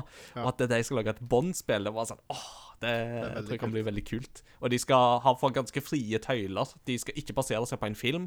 Skal ikke Ah. basere seg på en bok. De skal lage en veldig sånn eh, Lag din egen double O-historie, basically. Kult. Det er jo det beste utgangspunktet for et spill, altså. Mm. Mm. Et annet spill som hadde et veldig godt utgangspunkt, det var Assassin's Creed Valhalla. Eh, men eh, Ubisoft de eh, rota litt da de skulle konvertere fra euro til kroner. Eh, så forrige mandag så kunne da folk i et par timer kjøpe Assassin's Creed Valhalla Ultimate Edition for skarve 109 kroner. Nei! Eh, det- det, og, og, i, hvis du gikk på den europeiske sida, så kosta det 109 euro. Uh, og litt kjapp hoderegning vil jeg si, ganger du det med 10, så får du jo egentlig 1100 kroner, sånn cirka. Eh, men der var det noen som hadde gjort litt feil, så det lå ute til 109 kroner i et par timer. Og det var mange som klarte å skaffe seg det, meg sjøl inkludert. Ja. Og Ubisoft har ikke trukket det tilbake. Folk har fått lov å beholde det, så Ja, det, ja, det er faktisk litt sånn eh, det, det er ikke en ting de måtte gjøre. Det, Nei. De kunne fint ha, ha sagt 'sorry, det skjedde en feil'. Du må kjøpe Mm. det til fullpris. Ja, det, det kunne de ikke ha gjort, faktisk. Men det de kunne gjort, var at de kunne sagt vi gjorde en feil, her får du pengene tilbake, vi må trekke spillet fra din konto. Det, Ja. det kunne de faktisk Ja, gjort. ja, Men de kunne ikke sagt at eh, Ja, Nei, men de kunne nei, ikke nei, sagt at eh, nå må du betale fullpris, eller så. Nei, nei, nei, det, var- det var ikke hadde vært strengt ulovlig. Men, eh, ja, det, okay, det er jeg helt enig med deg. Men det var jo var, var det du som skrev det, eller var det Nei, det var en eller annen artikkel på en sånn spillnettside, det var sikkert Kotaku, som hadde skrevet at eh, Norwegians got the Viking discount. Ja, det var PC Gamer, det. PC Gamer. det. Jeg syns det var bra sagt. At det, Ja, sa, ja, ja, ja, det Sant? Godt, Helt på sin plass. Ja. Um, noe forhold til Assassin's Creed, eh, Simon? Å ja. Uh, det er nesten sånn at jeg lurer på om du har snakka med Mats Jakob på forhånd. Uh, Assassin's Creed uh, spilte jeg um, ikke Jo, jeg spilte eneren, toeren, 2,5-en, Mm. treeren og Skal vi se Brotherhood? Nei, det var kanskje 2,5? eller? Fireren, det er vel der man hopper mellom uh, virkelighet og, eh, og uh, Animus, eller hva det heter. Ja, altså, det gjør Um, det jo stort sett i alle, men, uh, ja, men fireren, det er jo den som er i sjørøver. Uh, Ja, ikke sant? Ja, den spilte jeg òg, men eh, da Flag. den hvor det er mye mer gameplay i virkeligheten. OK. Eh, jeg husker ikke om det Um, er fireren eller femmeren, eller Jeg liksom mista tellinga helt, jeg. Mm. Eh, men jeg har i hvert fall spilt mange av de spillene Mm. uh, opp igjennom. Um, så mye at jeg på ferie i Italia um, gikk jo rundt i, eh, i Firenze og, og ropte 'Ezio! Ezio!' uh, bare for at jeg ble, eh, jeg ble så inspirert av å gå rundt ja. i en Sendte by som uh, Sendte ikke du postkort til han du bodde med? Ja. Og hvor det bare sto Ezio! Ezio! Åh. Nei, han, Det er så fint. eh, han, eh, han, det var han som eide PS3-en, da. Mm. Uh, Mm. Som for øvrig også var min forlover. Uh, og Ja. han eh, eh, Han eh, satte greit pris på det kortet. Eh, det kunne jo virke for mange som at det bare, bare At det lå veldig lite tanke bak det postkortet jeg sendte, men Mm. eh, det var jo eh, Man ble jo aldri kvitt den tøvsekken Ja, som jeg plutselig bare dukka opp. Og, nei, du har ikke gjort det, nei. Det var da Ezio Auditore som eh, gikk rundt i Firenze. Eh, og akkurat i Firenze så var det en, uh, en karakter som klarte å spore han opp hele tida. Mm. Og som Mm. ødela ganske mye skit, altså. Mm. Uh, jeg pleier liksom å ta, ta en sånn sammenligning med Har du, Mats Jakob, sett Disney-filmen De tre musketerer fra 90-tallet? Med Charlie Sheen og Keeper Sutherland og Mm. Nei, OK. Men der har du i alle fall en sånn kar som hele tida går rundt og sier sånn D'Artagnan! D'Artagnan! Som alltid kommer og liksom skal plage. Og han, Det som du nevnte, i. Ezio, Ezio Det er liksom Ja, ja, ja. akkurat samme type. uh, Deilig. Nei da. Så, ja. Uh, så det blir nok Valhalla på meg etter hvert òg, men eh, jeg ligger jo ganske langt bak i Assassin's Creed, og jeg er så rart skudd sammen at jeg er sånn Nei, jeg må spille de gamle spillene før jeg kan begynne på det nye. Så Ja, enig. Men eh, Eh. jeg skal komme Nå har jeg et godt En god unnskyldning til å begynne på Assassin's Creed igjen. Men kommer den på Altså, jeg venter bare på at Assassin's Creed skal komme på, uh, på Switch, jeg. Du får kjøpt de noen av de første, gjør du ikke det? Ja. altså Du får kjøpt treen, og så får du kjøpt en sånn samlepakke med firen og Rogue, eh, i hvert fall. Ja. Eh, så de går iallfall an å få kjøpt. Men mer enn det, det må du nok vente på enn så lenge. Ja. eh, dessverre. Det blir en litt sånn eh, revisit uh, à la Witcher 3, tenker jeg. Ja. Eh, om eh, et år eller to. Yeah. Ja, ja. Yes. Um, vi går videre, men vi skal holde oss til Ubisoft, uh, faktisk. For Ubisoft Montreal hadde plutselig uh, en uh, aldri så liten politiaksjon hos seg forrige uke. Der Ja. store politistyrker rykka ut til dem pga. henvendelser om en gisselaksjon. Eh, og det virka ganske dramatisk, der ansatte gikk opp på taket og alt mulig sånn på bygningen. Men eh, det hele viste seg å være falsk alarm. Eh, mest sannsynlig så var det et tilfelle av det vi kaller for swatting. Eh, det vil da si at noen andre ringer inn og bare sånn 'Å nei, hjelp, må komme og sende SWAT-teamet eh, de kommer til å drepe meg'. Eh, og, og så sendes det store politistyrker dit, og så Hæ, det bedre, det var bare tull. Mm. Så mm, Not cool, people. Not cool. Det Sånt gjør man ikke. Uh, selv om du ikke er fornøyd med Valhalla, så gjør du ikke sånt. Det er liksom sånn nerd-raging på et nivå vi ikke er så fan av her i podkasten. Nei. Super Mario 3D Allstars har nå fått støtte for GameCube-kontrollere hvis du skal spille Super Mario Sunshine, så det er jo gode nyheter. Eh, du må nok da ha en eller annen eh, form for støtte for det, enten gjennom den eh, Super Smash-kontrollkonvertøren, eller en faktisk USB-plugga GameCube-kontroller. Men uansett så er det jo litt kult. Uh, og så helt til slutt så tenker jeg vi må ta med The Game Awards-nominasjonene, for de er klare. Uh, og Game of the Year-kandidatene, som jo er den gjeveste tittelen, det er da Final Fantasy 7 Remake, det er Animal Crossing og Doom Eternal, begge spillene som kommer samme dag. Uh, Eh, Hades, The Last of Us Part 2 og Ghost of Tsushima. Mm. Any thoughts? Jeg har jo da spilt uh, ingen av de spillene. Jeg har spilt uh, demoen til Final Fantasy Remake, så da må vel min stemme gå dit. uh, men det altså Ut ifra hva folk sier, så er det jo alle gode kandidater. Jeg er jo litt sånn eh, Alltid litt svak for Nintendo og syns at uh, Iallfall des, De salgstallene for Animal Crossing var jo helt spinnville når de kom. Det var jo De Mm. solgte jo i millionvis eh, umiddelbart. Eh, Mm. Så absolutt en fortjent nominasjon. Men eh, det er jo ikke Jeg vet ikke åssen det er sånn Det er jo ikke noe revolusjonerende spill, sånn, men eh, Mm. Men det har fanga 2020-ånden. Veldig. Ikke sant? Og det òg er jo litt sånn interessant her. Og det har jo faktisk snart gått forbi Mario Kart 8 som bestselgende Switch-spillet. Så Ja, Det det er på vei dit, det, altså. Ja, Ja. det, og det solgte jo Mm. veldig bra. Eh, flere gode kandidater her, eh, men jeg savna et par ting. Eh, det ene er jo det at eh, jeg var jo ikke så fan av Final Fantasy 7 Remake som mange andre, og syns jo heller at Persona 5 Royal burde vært på den lista. Men jeg kan forstå det, fordi at Persona 5 Royal er bare en oppgradert utgave av det originale Persona 5. Ja. Men Ori and The Will of the Wisps mangler på den lista, og det burde absolutt vært der. Ja. Har ikke spilt det heller. Det er på Switch. Ja, jeg vet det. Jeg har eh, jeg må, Der er litt som det. Jeg må spille uh, Blind Forest først.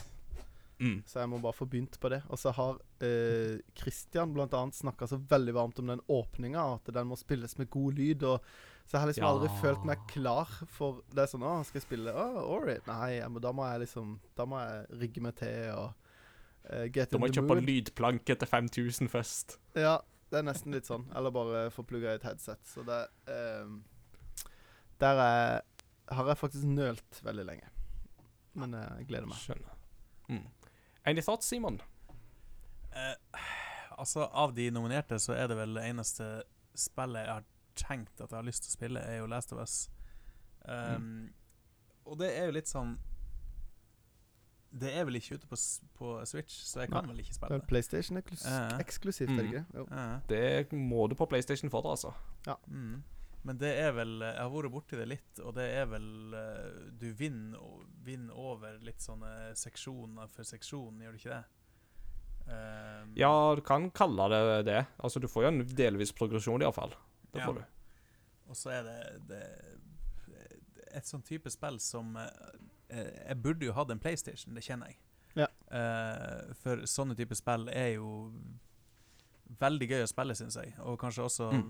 eh, Ja, noe som jeg, som jeg burde investert i, men altså, herligheten. Mm. Jeg har jo familie og unge, uh, så Mm. det er jo begrensa hvor mye man kan uh, eh, bruke penger på. Så, eh, Men, Det er jo det. Tid og penger, ikke sant. Det er et issue. Men nå er jo jeg der at jeg er på jakt etter en PlayStation 4. For det, nå kjøper jo folk PlayStation 5. ja. Eh, Mm. så det er Det er nå smart. jeg slenger meg på en ny generasjon. Hilsen Gjerre Knark. du har mye godt i vente der, altså. Eh, det, det, det blir gøy å grave Ja. ned i den katalogen der. Yeah. Nei, av de, dom- av de nominerte så er The Last of Us Part 2 er definitivt eh, min, eh, min vinner, altså. Det er det ingen tvil om. Eh, men det er veldig gøy å se at Hades har gjort det så bra, og Mm. skåret høyt òg. Det syns jeg er veldig kjekt. Så alltid, alltid det. Eh, så yeah. Kult. All right. Uh, da tenker jeg at vi går fra Game of the Year og snakker om uh, Console of the Last Three Decades, eh, nemlig Mm. Super Nintendo, som jo da fyller jubileum uh, nå i overmorgen mens vi tar det opp, og i forgårs for dere som hører på når episoden er fersk. Yeah! All right. Vi har allerede snakka masse om eh, Super Nintendo, og litt sånn, men nå skal vi snakke enda mer. Og jeg syns alltid det er gøy å begynne med litt sånn tekniske spesifikasjoner og litt sånt eh, når vi snakker om disse konsollene. Mm. Eh, så eh, Super Nintendo, eller Super Famicom, som den òg heter i Japan, eller SNES, som mange kaller den, eh, kom jo da ut 21.11.1990 i Japan, og kosta da 25 000 yen, eh, eller 199 dollar, når den kom til USA året etter. I Europa så fikk man den i 1992. Um, den uh, solgte da på verdensbasis uh, 49 millioner eksemplar, som er et ganske bra tall. Men uh, Nes, altså forgjengeren, solgte jo mer, for den solgte jo 62 millioner. Så man merker at det her har Nintendo begynt å tape litt markedsandeler, og det skyldes jo annet Segas inntog på det nordamerikanske markedet med Sega Megadrive, eller Sega Genesis, som den jo heter der. Mm. Eh, men fortsatt solide tall, og nesten selv opp i 50 millioner. Det eh, må vi absolutt si. Det Brukte fortsatt, eh, brukte fortsatt kassetter, og rent teknisk sett så var jo den store revolusjonen med Super Nintendo var jo det at den hoppa jo opp fra en 8-bit-prosessor til en 16-bit-prosessor, så det var jo dobbelt opp. Så da var vi over i neste generasjon. Mm. Langt mer farger som han kunne skalere og vise fram. Og um, ja, hva hva skal man, hva skal vi si? Um, I konsollen òg så var det Altså Det som var veldig spesielt med Super Nintendos spill, var jo det at eh, selv om konsollen hadde sine begrensninger, så var det noen spill som kom med en integrert chip i seg. Eh, blant annet da Super FX-chipen er jo da kanskje den mest kjente, som jo da Star Fox var.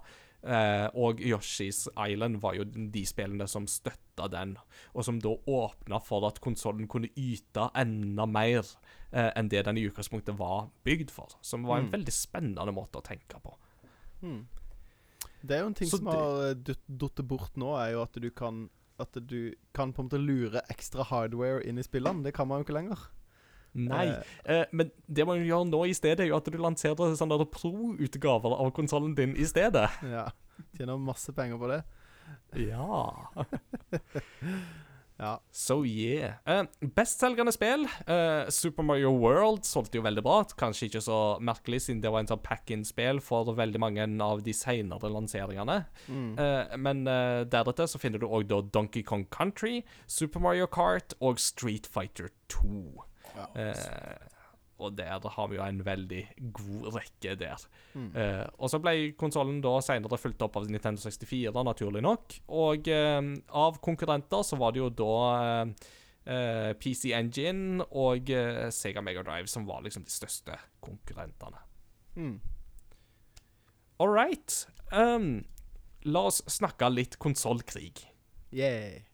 Yeah, det er gøy. Eh, for dette er jo den tida der konsollkrig faktisk ble et begrep. Dette var jo tidspunktet der Sega virkelig kom på banen og skulle uh, utkonkurrere uh, Nintendo etter å ha ikke helt klart det på eh, 80-tallet. Mm. Og mye av grunnen til det var jo selvsagt Sonic the Hedgehog som kom ut, og som endelig gjorde at Sega fikk sin maskot. Men Mats Jakob, eh, Mm. har du noen tanker rundt konsollkrigen? Ja, eh, konsolkri- Vi har jo snakka en del om konsollkrigen her tidligere. Eh, det som eh, jeg syns var veldig gøy når vi så den her eh, eh, eh, eh, eh, Hva heter den TV-spillserien som gikk på Netflix? Den har High score. High High Score, ja. Da intervjuet de jo han som eh, eh, var eh, ansvarlig for eh, Sega sin markedsføring i USA. Mm, Eh, Tom Kalinski. Tom Kalinski. Og det var ufattelig gøy å se han både tegne og fortelle eh, Mm. hva strategien var, og at det var så Mm. veldig sånn eh, man, Eller iallfall jeg har en tendens til å tenke at sånne her ting er litt tilfeldig. Ikke sant? Litt sånn som at eh, Jeg tenker at det er tilfeldig at eh, 360-en var for mange mer populær enn eh, PlayStation 3 når PlayStation 2 var så populær, og at Wii U gjorde det så dårlig når det, At det er litt sånn tilfeldigheter. Men eh, eh, det vet, jeg vet jo at ikke det bare er tilfeldigheter, men her var det virkelig ikke tilfeldigheter. Det var noen som gikk til angrep på Nintendo med en motstrategi for å nå ut til et publikum eh, som Nintendo på eh, Iallfall ikke uttalt hadde på en måte definert. Vi er Vi selger spill til dette. De er bare Vi selger spill. Alle som vil kjøpe spill, Mm. kan kjøpe spill. Og så kommer Sega of America og sier liksom Nå skal vi selge spill til ungdommer. Nå skal vi selge Mm. spill til sånn og sånn. Vi vil ha sportsspill. Og hvis vi skal selge sportsspill, så må det være eh, Må John Madden være på framsida. Eller vi må Mm. ha den quarterbacken. Eller hvis vi skal selge tennisspill, så må det stå André Agassi på spillet. Eh, Mm. De starta hele den derre eh, hypen da med sportsspill. Før var liksom sportsspill litt sånn arkadeaktig. De gikk for en mer sånn simulat simulering. Eh, og eh, EA som sportsspillgigant blir jo født. Eh, Mm. Og det er sånne ting som jeg Jeg synes er fascinerende. Jeg kan på en måte fremdeles lære nye ting om denne her konsollkrigen. Eh, som jeg på en måte har kunnet veldig mye om i ganske mange år. Eh, Gjennom forskjellige kanaler. Eh, Og det er jo veldig artig at uh, den high score-serien lærte jo at uh, før Sega of America virkelig slo gjennom med Sega, Mega, eh, Sega Genesis i USA, så hadde jo Nintendo nesten monopol på hjemmekonsollmarkedet i USA. Mm. Da denne konsollgenerasjonen var slutt, så hadde Sega fått en markedsandel på 40% Det er ganske drøyt. Men det betyr at Nintendo fortsatt hadde 60, eller sånn cirka 60 Ja. i hvert fall. Eh, og det betyr jo at Nintendo gjorde noe riktig med Super Nintendo. Og da er jo spørsmålet hva, hva tror dere var liksom det som gjorde at Snes ble, ble en så stor suksess? Hmm. Nei, jeg, jeg tenker jo at eh, en av grunnene til det er jo den eh, eh, som du snakker om, da. At Nesen hadde jo nesten monopol.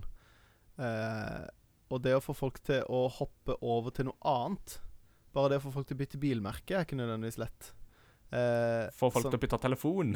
ja, ikke sant? Altså, folk er jo veldig lojale der. Vi er jo sånn som mennesker. Og det er jo en grunn til at du har Nintendo-fanboys og PlayStation-fanboys og eh, Sånn at eh, eh, Jeg tror det er en av grunnene til at det, var en stor suksess, er jo at folk valgte Nintendo for det var det de hadde. Og på den tida så tror jeg det var i mye større grad var foreldrene som valgte. Å, Nintendo. Ja, Mm. vi hadde den forrige Nintendo, nå kjøper vi en ny Nintendo. Eh, eh, og det, det tror jeg nok er en stor uh, faktor. Og så er hadde de jo vanvittig mye bra spill. Mm. Og selvfølgelig Mario har jo mye å si. At uh, Du snakka i stad om at Sega endelig fikk sin maskot, og Mario har jo uh, var, Mario har jo en kontinuerlig plass i spillhistorien fra han først dukka opp. Sånn at det, er- Mm. det er liksom Fremdeles er det litt sånn Å, Mario! Det kjøper jeg. Mm. På en måte. Eller sånn. Det, det har eh, en ganske stor kraft, Mm. eh, den lille rørleggeren. Ja. Eh, Men- ja.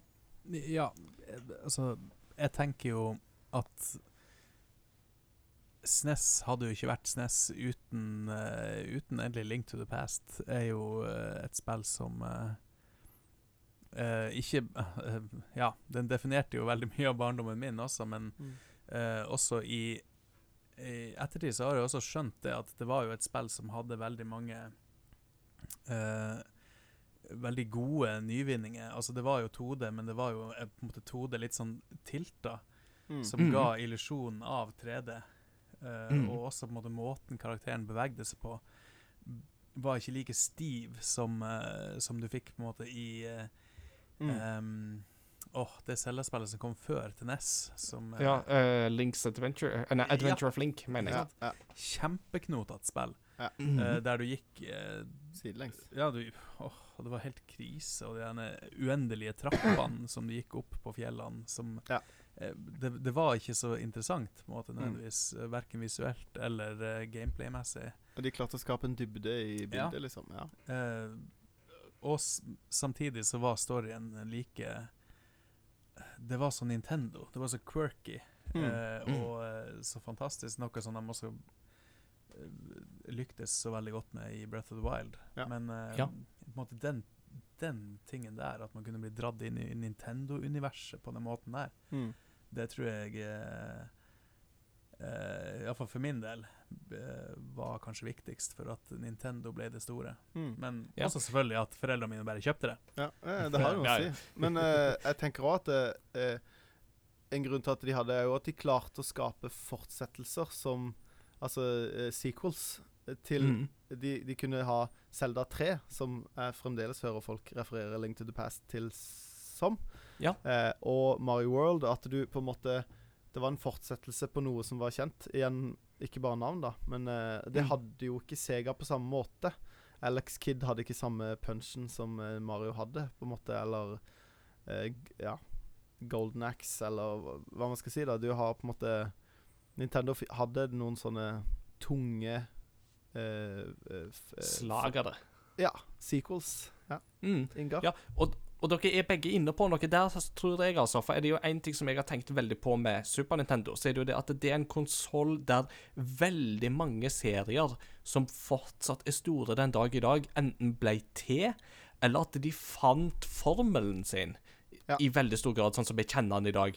Og det gjelder Zelda, som dere er inne på. Altså, A Link to the Past er fortsatt liksom malen for de liksom mer old school, hva skal du si, todimensjonale Zelda-spillene, så er jo det fortsatt standarden. Ja. Uh, men òg altså, Super Mario World var jo òg en sånn serie. Final Fantasy var Ja, en ser serie som definitivt fant formen sin med Final Fantasy 4 og utover. Altså, det, da begynner jo the golden age for Final Fantasy. Mm. Uh, og bare det at uh, Sånn som i Japan, at de hadde selskaper som Square og Enix tungt inne på Super Nintendo-sida, var jo noen av grunnene som gjorde at uh, Super Nintendo fortsatt var veldig, veldig stort i Japan. Eh, og ikke minst òg da at eh, Super Nintendo var jo den plattformen som fikk Street Fighter 2 eh, i en konsollversjon. Mm. Eh, Sega hadde jo ikke det, faktisk. Og vi glemmer av og til hvor stort Street Fighter 2 faktisk var da det kom. Ja. Altså, det var jo spillet som kicka i gang en ny arkadeboom i Japan, nesten single-handedly. Ja. For Sega fikk de eh, Eller Megadriven fikk jo uh, eh, Championship Edition, så de hadde ikke vanlig Street Fighter 2. Nei. Den hadde, og Nintendo og, og Capcom hadde også et veldig trofast samarbeid. Eh, Absolutt. Og, og en av de andre seriene der som jeg òg tenkte på, som jo fikk en kul videreutvikling, var jo Megamann-serien. Ikke sant? Ja. Megaman X var jo en sånn For meg som kid, jeg vokste jo opp med Megamann, vanlige Megamann på Nes, mm. eh, og det var liksom kult nok i seg sjøl. Men nå ble liksom Megamann liksom enda mer futuristisk, enda mer science fiction-y, og det ble liksom litt mørkt og gritty, og det var liksom Mm. litt sånn eh, på samme måte som at eh, Sonic, Sonic var litt kul, ikke sant? så ble liksom Megaman X var liksom veldig, veldig kul, han òg, da. Mm. Uh, så jeg tror det at det at eh, dette var en tid der jeg syns iallfall at utviklerne var veldig flinke til å ta i bruk de nye verktøyene som de hadde fått. De hadde fått et vell av nye verktøy å kunne jobbe med. Eh, Samtidig som at de fortsatt hadde en del tekniske begrensninger som de måtte jobbe innafor. Som gjorde at de ble veldig kreative eh, i ja. måten å fortelle historier og følelser på. Um, Absolutt. Det eh, Ja. eh, Ja, jeg tror du er inne på noe der, altså. At vi eh, Det er jo en av grunnene til at jeg er så glad i indiespill i dag, er jo at eh, den begrensninga har en sjarm. Og spesielt når de da fant på, i 16-bit-æraen fant en sånn nerve som man fremdeles Mm. kan liksom tappe innpå, som ikke kun er nostalgi, men som handler om begrensninger ut ifra liksom det kunstneriske uttrykket og spillmekanikker, som eh, jeg syns eh, fremdeles er bra. Og mm. at det, jeg synes det er kult at det, det fremdeles holder i dag. Da, at man kan spille eh, eh, ja, et spill som har den stilen, og så er det ikke liksom «Øh, dette er gammelt. For det samme kan du ikke si om Atari. Eh, og Nei. liksom de firkantene, gule og grønne firkantene. På en måte, Det er ikke eh, Det har ikke samme magien, da, eller samme liksom Ja. Jeg har ikke noe mer å Og si. jeg, um, og jeg tenkte jo òg på um, Jeg tenkte jo også på at en ting som jo var veldig imponerende, var jo at um, en av launch-titlene til Super Nintendo var jo F-Zero, uh, som jo er et mm. spill vi alle er veldig veldig glad i. Og F-Zero var jo basically en tech-demo for det som de kaller for Mode 7. Mm. Som jo var en slags form for 3D-simulering. Eller sånn for, for 3D, som de også kaller det for. Altså en Ja. falsk 3D. eh, der Mode 7 plasserer liksom kameraet ikke rett bak deg, men liksom litt opp i lufta. Og så tar Mode 7 og genererer bakgrunnene og vrir på bakgrunnene, sånn at det ser tredimensjonalt ut når du beveger deg inn imot den bakgrunnen. Ja. Eh, som var sånn utrolig stilig måte å tenke 3D før 3D på, syns jeg. Mm. Og eh, Pilot Wings, som er det tredje eh, launch-spillet av Super Nintendo, hadde bare tre spill når det kom. Det var Mario World, eh, F-Zero og Pilot Wings. Og Pilot Wings er jo en tech-demo. Altså, Pilot Mm. Wings er jo det første Wii Sports, hvis du kan si det på den Ja. måten. Eh, det var jo for å vise fram eh, hva, hva maskinen kan gjøre. Det var for, det var for å imponere. Eh, og det tenkte jeg ikke på før nå, men dere hadde jo alle tre Eh, launch-spillene. ja, eh, jeg visste ikke uh, før akkurat nå at Det de tre var launchspillene. Vi hadde Pilot Wings også, så er vel Mm. kanskje det eneste spillet jeg ikke har snakka om eh, til nå. Men har jo vært gjennom hele din barndomskatalog. Ja, Ja. nesten. Det er noen spill der som vi ikke har vært innom, men det husker jeg nesten ikke sjøl engang, før Nei. noen viser meg et bilde av dem, og så dukker de opp i, bak i hodet at ja, men det spillet spilte jeg. Men Pilot Wings var jo åh, Det var sykt vanskelig, Mm. husker Ja. jeg. Og jeg husker jeg drylte kontrollen i gulvet flere ganger bare for at jeg ikke klarte den den ringhoppen og eh, Helikopter? Nei, jetpacken, eller Nei, var det helikopter? Hvilke, fly, hvilke er det du har i Pilot Wings på Super Nintendo? Det er fly, eh, fallskjerm, Du har fallskjerm, og så har du hangglider. hangglider. Eh, og så har du Hva mer har du?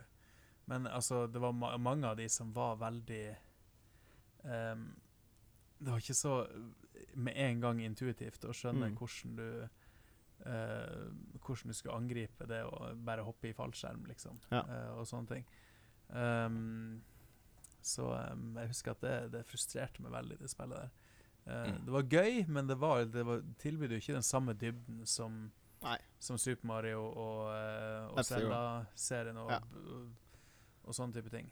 Det var jo Det er jo som sagt litt sånn tech-demo at uh, dette kan maskinen vår gjøre, og nå skal du få lov til å hoppe i fallskjerm. Mm. Ikke sant. Uh, et lite spørsmål til deg, Simon, uh, som vi tenkte på. Altså, mm, du var, hadde jo Super Nintendo, det hadde du jo nevnt at oh, det ja. fikk dere jo i gave. Eh, men var det noe særlig med Sega Kids der du bodde?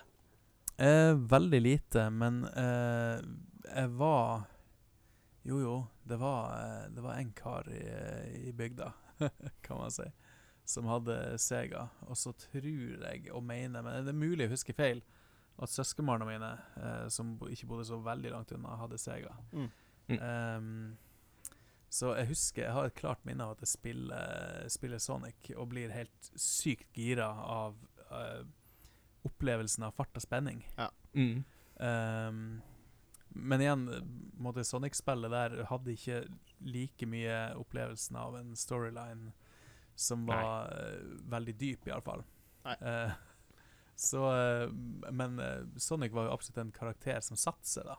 Hmm. Mm. Ehm, så det, det skulle de ha. Eh, men eh, der igjen så var vel kanskje uh, Snessen hakket hvassere på de karakterene vi, vi enda husker i dag. Hmm. Mm. Ja.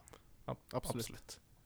Um, hvis vi skal snakke litt om på en måte unike konsepter som de kom med på Super Nintendo, så hadde de jo litt eh, ting de kom med der i løpet av eh, levetida. Mm. Um, en av de tingene som kanskje er mest kjent, det er jo Superscope.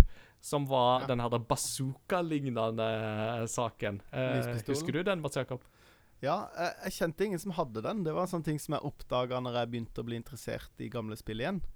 Eh, men, eh, men det er jo en veldig upraktisk Nintendo Zapper, på en måte.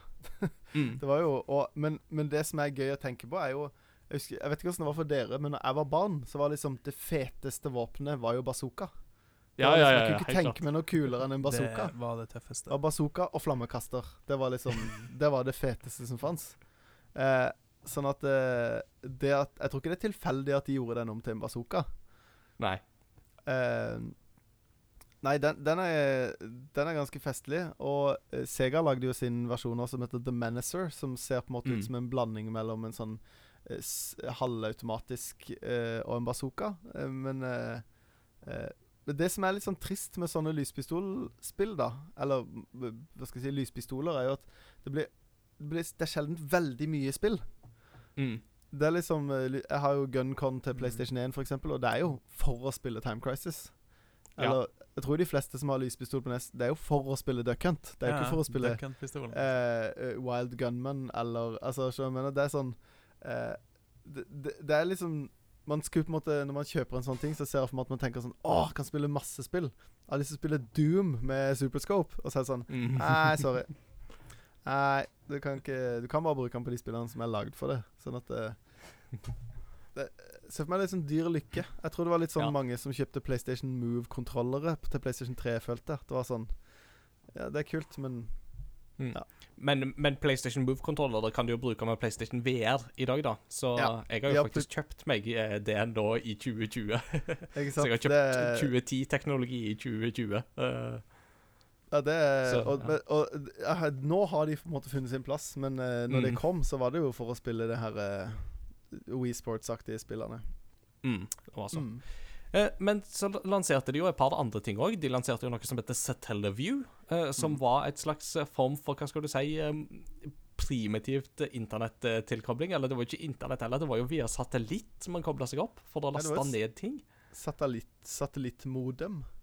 Ja. Det er, Eh. altså, Satellaview er jo eh, Altså, det, noen ganger er Nintendo veldig tidlig ute. Eh, og de, jeg tror ikke de nødvendigvis var først, men Satellaview var jo eh, Det kom jo for det første bare i Japan. Mm. Og det var en svær boks du plugga i på undersida av eh, Super Nintendoen din. Og da var det sånn at de, de sendte Akkurat som TV-programmer, så var det sånn eh, De sendte på visse gitte tidspunkt, så, kunne, så sendte de eh, ting du kunne laste ned til sånne spesielle sp eh, kassetter, som du kunne på en måte installere spillene på.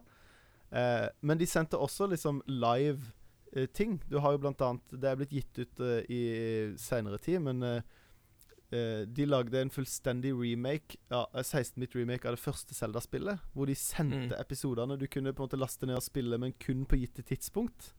Mm. Eh, og var delt opp i episoder.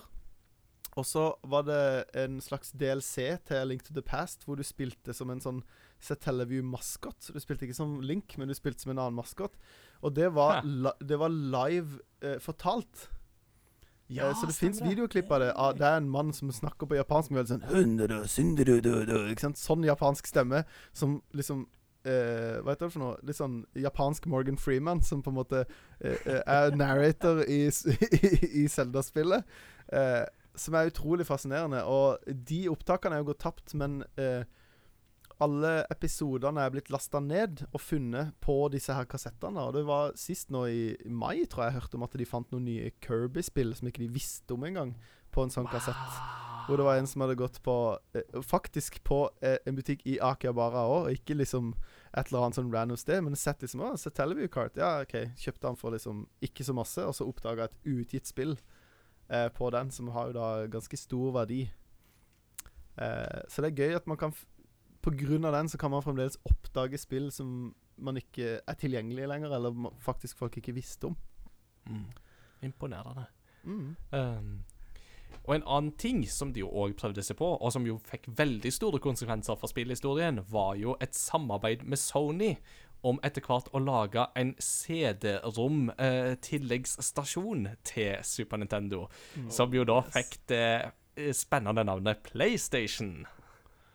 Absolutt. Eller fikk jo faktisk navnet PlayStation. Det er jo Ja. delt i to. Det er jo Mm. gøy. Det, det er ikke ett ord. Og det som er så fascinerende her, er jo det at eh, dette var jo eh, Ja, altså det var jo Sony og Nintendo som skulle samarbeide om det, og det finnes jo Det, det har jo De siste årene så har det jo kommet fram at det er jo ett eksemplar av den som faktisk finnes. Altså det finnes en prototyp Nintendo som fortsatt fungerer. Uh, Mm. Og eh, det er jo så fascinerende å liksom se på denne saken her og tenke seg litt om hva som kunne ha vært. Men så plutselig så fikk jo Nintendo kalde føtter, og så trakk de pluggen på det samarbeidet, og så gikk de inn et samarbeid med Philips i stedet, for å lage den uh, myteomspunne Philips CDI-saken. Eh, og den vil vi jo helst glemme. Ja, det er ganske vond Det er vond historie. Men det Det som er fascinerende med den eh, eh, Nintendo PlayStation, er jo for det første at det fins én. Men den versjonen de har funnet, det er den Sony har lagd. For det at Sony fikk også lov til å lage sin egen, samme som i Jap... Eller i jo, det ble jo i hele verden, faktisk. Eh, JVC, eller eh, JVZ, jeg vet ikke hva man skal kalle det. Eh, elektronikkselskapet de lagde jo sin egen eh, Sega Megadrive, Sega CD-konsoll, som ble kalt for XI. Eh, fordi Mhm. at eh, Som var del av en deal fordi at JVC lagde et eller annet for Sega til en maskin. Eh, og eh, Nintendo har faktisk kommentert på det her med den Sony Play- Nintendo PlayStation som er lagd av Sony. At Ja. eh, Hvor det ble liksom kommentert eh, sånn Ja, dette er jo den eneste i verden. Og de var litt sånn hm. Så de sa et eller annet sånn kryptisk som sånn Ja, men vi har ikke kasta noe. Litt sånn eh, Selvfølgelig har vi en, liksom. Tror dere at dette er den eneste i hele verden? Veldig sånn, litt sånn veldig japansk sagt. Nei, vi hiver ikke ting. Litt sånn Jeg syns det var litt deilig. Og, og jeg hørte på en annen podkast hvor de da ble helt sånn besatt av den tanken på at Nintendo har et sånn derre Indiana Jones-hvelv med bare alle ting som vi ikke har hørt om. Og, og, og That belongs in a museum! ja, men det er litt sånn eh, Jeg syns det er Jeg syns òg den tanken Eller den Hvis vi skal liksom fantasere der, så er det veldig sånn Jeg blir helt sånn fengsla av liksom Det er bare masse ukjente muligheter. Alt som Nintendo kan ha gjort som vi ikke vet om. Eh, for det var jo mange som mente at Nintendo burde jo kjøpe denne her eh, Sony Nintendo PlayStation. Og det var da de kommenterte det at liksom Nei, men vi har en. Litt sånn indirekte. Eh, eller flere. Eh, så det er ganske kult. Mm. Mm. Det, mm, det gikk jo Når det prosjektet havarerte, så gikk det jo Sony gikk jo da videre til Sega etterpå for å prøve å få til et samarbeid der. Og så trakk jo Sega Japan den pluggen. Sega i USA var jo veldig entusiastiske. Eh, Og da sa til slutt Sony bare at eh, OK, glem det, da gjør vi vår egen greie. Og så lagde de PlayStation. Eh, men det har vi snakka mer om i en tidligere episode, nemlig den som handler om Sega Saturn. Der har vi kartlagt litt denne historien. Ja. All right, la oss snakke spill og minner fra Super Nintendo, folkens. Uh, Simon, nå syns jeg du må få lov å dele litt mer uh, andre spillopplevelser som du sitter igjen med fra Super Nintendo, og gode minner. Åh, gode minner og andre spill. Altså, det er jo stort sett ehm, Det alltid går til av minner, er jo Zelda og Mario-universet. Mm. Mm. eh, fort. Men jeg spilte jo vanvittig mye mer. Mm. Uh, og jo mer jeg tenker på det, uh, jo mer jeg innser jeg at på en måte, det, det er ganske mange uh, spill jeg spilte som ikke var så veldig vanlige også. Altså Link, Link to the Past, sier jeg. Lord of the Rings-spillet er jo ett eksempel på det, Mm. som viste seg å være ganske nisjespill. Yeah. Mm. Ehm, men som jeg spilte med den største selvfølgelighet. Um, og tenkte at dette her eh, Jeg tenkte, tenkte liksom ikke at det var ehm, Ja, det var, det var spill som ble kjøpt inn i eh, Jeg tror det var stort sett min far som Mm. kjøpte inn eh, på en måte spill for å få en litt mer sånn Ro i søskenflokken. Hæ? For de til å slutte å slåss. Ja, her er et spill. Ja, et eller annet sånt. Et eller annet sånt. Ehm, men det er mange eh, mange spill som vi spilte. Eh, vi var jo innom uh, Turtles-universet, faktisk. Mm. Ja. Turtles in Time. Eh, og det var Det tror jeg faktisk Men det er et av de seinere spillene som kom egentlig uh, langt ut på 90-tallet, vil jeg Mm. tro. Um, som hadde veldig eh, Veldig god grafikk, kan du si. Mm. Og var et ganske Et spill som bygde nok på ganske mange forskjellige andre spill som hadde fungert bra. Mm. Det var jo det første f- hvor Turtlesene faktisk så ut som tegnefilmen. mm, Eh, for de andre på NES så var det jo litt sånn eh, med 8-bitens begrensninger, på en måte, men her fikk du liksom det. Og så var det jo basert på Arkadespillet, som ikke heter Turtles in Time, men det heter et eller annet annet. Men, mm. så det var jo eh, eh, en sånn halv-arkadeport. Det var på en måte mm. veldig mye likt, men det var ikke akkurat det samme spillet. da Det var ikke samme, alle de samme banene og sånn. Mm. Eh, Altså, det, det var vi innom. mm. Uh, og eh, flere andre spill som jeg, som jeg har mista si, navnet på. Ja. Uh, jeg tror det var et spill som heter Lost Vikings. Oh, det er gøy. Ja. Som, som vi også spilte. Ikke så veldig Mm. mye, for jeg mistenker at det var et lånt spill. Ja. At, uh, Mm. eh, det tror jeg eh, var For jeg kunne switche karakterer Ja. og, uh, og litt sånne ting. Absolutt. Som var veldig Du måtte switche karakterer for å Ja, løse for å komme deg videre og Ja. sånne ting. Mm. Det er Mm. jo um, Det var jo et av de første titlene til Blizzard. Eh, Ja. Lost Vikings var jo det. Um, ja, og det som er gøy, er jo det at Lost Vikings dukker òg opp i Heroes of the Storm, som er dette Moba-spillet til, til Blizzard. eh, Altså deres konkurrenter League of Legends og Dota.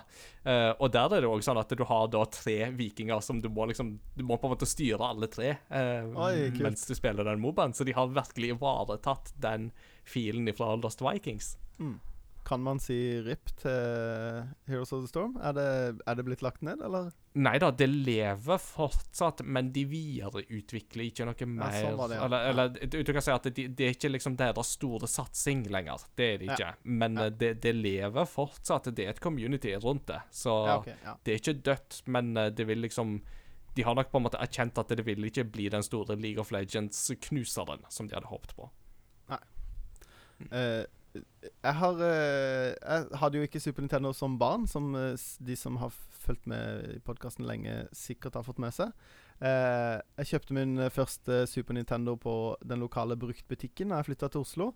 Mm. Eh, og det fulgte med Super Mario World og NCAA Basketball, som jeg prøvde én gang, aldri spilt igjen. Eh, jeg er ikke så veldig glad, stor basketballspiller. Eh, men min, de, så de, fleste av mine Super Nintendo-minner er jo eh, i eh, voksen student, eh, voksen alder. Eh, ja. og jeg har jo kanskje mine beste Super Nintendo-minner sammen med Simon, som jeg har snakka om før. Jeg syns jo noe av det gøyeste med Super Nintendo er å se på Simon spille spillene jeg er god i. Eh, og å se Simon spille eh, den Zelda-hacken. Cellehacken er jo Eh, den Ja. heter så mye som eh, Jeg husker ikke hva den heter. Jeg har nevnt det før. Det er ikke Stone Tablets, men eh, Jeg husker ikke. Jeg kan finne ut av det. Det må vi finne ut av. Eh, Men uh, har, har dere snakka om greia med den uh, hacken? ja, det er en stund siden nå, så du kan sikkert uh, Ja, for å, litt. for å oppfriske den. Det er jo, Mm. det er jo bare en veldig vanskelig eh, hack, Ja. eh, kan du si, av eh, Men du spiller jo som Link, og det, det, det, oppfattes litt som Link to the Past uh, uh, Hva man kaller det? Gameplayet. Ja, det er jo Um, helt likt. på en måte De har jo bare tatt Link to the Past og så brukt alle tingene som ligger i koden, mm. for å på en måte designe nytt, en ny story. Så det er jo de Mhm. samme bygningene og uh, samme våpnene og Ja, men der, altså i, i Link to the Past, der det ikke går så veldig lang tid før du får deg et våpen og et skjold, Ja. Eh, så går det jo veldig lang tid eh, før du får deg noen ting som helst brukbart eh, Ja. i den hacken der. Um, Og det som gjør hacken ekstra vanskelig også, er jo at det tar ganske lang tid før du kommer til et sted hvor du kan save. Ja, Og det er jo sånne ting Dette er jo faktisk litt festlig, for det, du kan Når jeg bestilte den hacken, og jeg har kjøpt et fysisk Super Nintendo-spill av den, eh, så kunne jeg velge mellom den lette eller den vanskelige versjonen.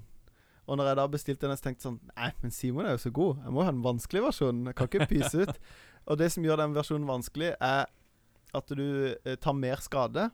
Og så kan du ikke lagre før du har fått sverdet. Og det er eh, når, når det i utgangspunktet er vanskelig var vel tredje kvelden vi spilte det, hvor vi faktisk du klarte å komme så langt at vi kunne lagre. Ja, det Ja. var noe sånt. Og det var, det var Men der også, det er jo helt fantastisk å kunne Uh, gjenbesøke den der barnslige frustrasjonen som man hadde når man Mm. spilte de SNES-spillene først. Ja. Eh, så eh, det var jo egentlig en ganske god spillopplevelse. Absolutt. Og å slite såpass mye som man gjorde med det, selv om man kjente spillet litt sånn godt. Mm. Eh, og så eh, var det jo du, du møter jo på eh, soldater med eh, Med de store jernkulene og alt sånt som, i, som det går kjempelang tid i i eh, Link to the Past før du treffer på de. Mm. De treffer du på ganske fort, uten sverd. Eller sånn. Mm. Eller skjold. um, Ja, det er ganske brutalt. ja, det er, det, det er virkelig Det er survival of the fittest, Ja. rett og slett. Ja, så det er rett og slett liksom Zelda Dark Souls edition. Dette her. Ja, det er, ja, men det er ikke kødd engang. Det er akkurat det det er. You died. Ja. Wested. Wow, wow, wow, wow. Men uh, en ting som jeg syns er fett med Super Nintendo Hva skal jeg kalle det miljøet, communityet, i dag, er jo at uh, Som jeg nevnte litt tidligere, at det kommer, det kommer sykt mange uh, fanoversettelser av spill. Mm. Forrige uke så snakka jeg om eh, Ihatovo Monogatari, uh, Ja. som også er et veldig sånn spill Det hadde aldri kommet ut i Vesten, og derfor så er det noen som må oversette det for at man skal kunne nyte det uten å kunne ja, lese japansk. Mm. Men uh, en annen ting er jo disse, alle disse hackerne, og alle kjent, gode, sterke Super Nintendo-spill har en hack. Er nesten Mm. liksom Du har Final Fantasy Hacker, hvor de har uh, bytta rundt på ting, eller de har gjort det vanskeligere, eller fiksa på Noen ganger så er det bare en sånn patch. At de f.eks. har uh, uh, fiksa jeg, jeg har en, en sånn hjemme... Hva heter det? Repro-kassett. eh, av eh, Tales of Fantasia, det første Tales-spillet som kom på Super Ja. Nintendo. Det kom Mm. ikke til Vesten før på Game Boy Advance. Men der har de da altså fiksa på en av, Et av problemene til det spillet er jo um, uh, encounter-raten. Altså hvor ofte møter du på sånn random battles. Mm. Og den er helt krise i originalen. Det er sånn Du går tre skritt, og så er det en ny kamp. Og det er ikke bare en sånn Der er det eh, Det har en sånn s- eh, s- eh, s- 2D s- eh, sidescrolling eh, kampsystem. Mm. Så det er ikke turn-based, men du kan posisjonere deg, og det er nesten litt sånn eh, ser nesten litt ut som Zelda 2, på en måte. Ja. Eh, og når du møter på masse sånne kamper, så blir du veldig fort lei. Så der har de på en måte fiksa det i den eh, hjemmesnekra versjonen, da. Og eh, veldig mye randomizers. Altså at du kan spille f.eks. Super Metroid, hvor, hvor du finner itemsene er tilfeldig. Mm. Det eh, er samme i Zelda òg. At liksom, du kan risikere å starte en fil, og så får du Når du skulle fått sverdet, så får du eh, eh, hoven. Eller speilet. Altså, Sykt ubrukelig. ja. Går rundt i parken med hoven. Take that, Ganon! Excuse me, princess! Ja, eh, så sånne ting syns jeg er så sykt fett, da. At eh, eh, spillerne får nytt liv, eller eh, et nytt publikum, eller at det gamle publikummet kan, som Simon, da, oppleve spillet på nytt. Eh, for det er kjent, men det er nytt. Det føles bare som mer A Link to the Past. Mm. Ikke sant? Uh, og det er jo en ting man ofte vil ha hvis man elsker et spill. Du vil jo bare ha mer av det samme spillet. Mm. Det er sant. Ehm, nei, altså sjøl òg, altså. Det, mm, så, som barn så hadde jo ikke vi Super Nintendo heller. Altså, Mm. det var Nintendo, eller Famicom, og så var det Nintendo 64 seinere som jeg liksom fikk forhandla meg til å kjøpe for egne penger, liksom. Men Super Mm. Nintendo hadde vi ikke som barn. Men jeg husker at det var en periode mens vi bodde i Japan, at vi lånt, fikk låne en Super, Super Famicom av ja. noen av de andre norske som var ute i Japan på det tidspunktet. Og jeg husker at det var jo liksom en helt ny verden, det, ikke sant? Da var det F-Zero og ja, Super Mario World, men det var òg et Mm. baseballspill som jeg ikke husker navnet på, som var så artig, fordi at det var liksom det at ting så veldig real ut, men så var det òg det at det var ikke bare de japanske lagene du kunne spille med, men du kunne også spille med de amerikanske lagene. Og det var da jeg liksom oppdaget liksom at det, det er jo faktisk baseball i USA òg, at det er liksom ikke bare eh, Tigers, ikke bare Hanshin Tigers som jeg heier på i Japan, men du har Detroit Tigers i USA òg. Og sånn da, San Francisco Giants og det var sånn Ja, det var. Mm. Så det var sånn en helt ny verden som åpna seg der, vet du. Mm. Men så har jeg jo blitt veldig glad i Super Nintendo i etterkant. At det er jo på en måte Det var jo konsollen som var veldig hipp da jeg var liten og bodde i Mm. Japan, men som jeg aldri hadde sjøl. Så det er nok på en måte en slags sånn der, eh, jakten på den tapte barndom, på en måte som vi kanskje knytta Ja. litt til Super Nintendo for min del. Men så syns jeg òg at det er jo så mye av designet på spill og sånt som eh, vi har snakket om tidligere, da, som jeg syns er så bra på Super Nintendo. Mange av spillene som finner formelen. Altså, Du nevnte jo Super Metroid nå i stad. Super Ja. Metroid er jo fortsatt et av kanskje tidenes beste spill, hands down. Mm. Uh, det er så bra. Det har holdt seg så bra. Det er så slitesterkt. Mm. Uh, og jeg blir så imponert over sånne ting.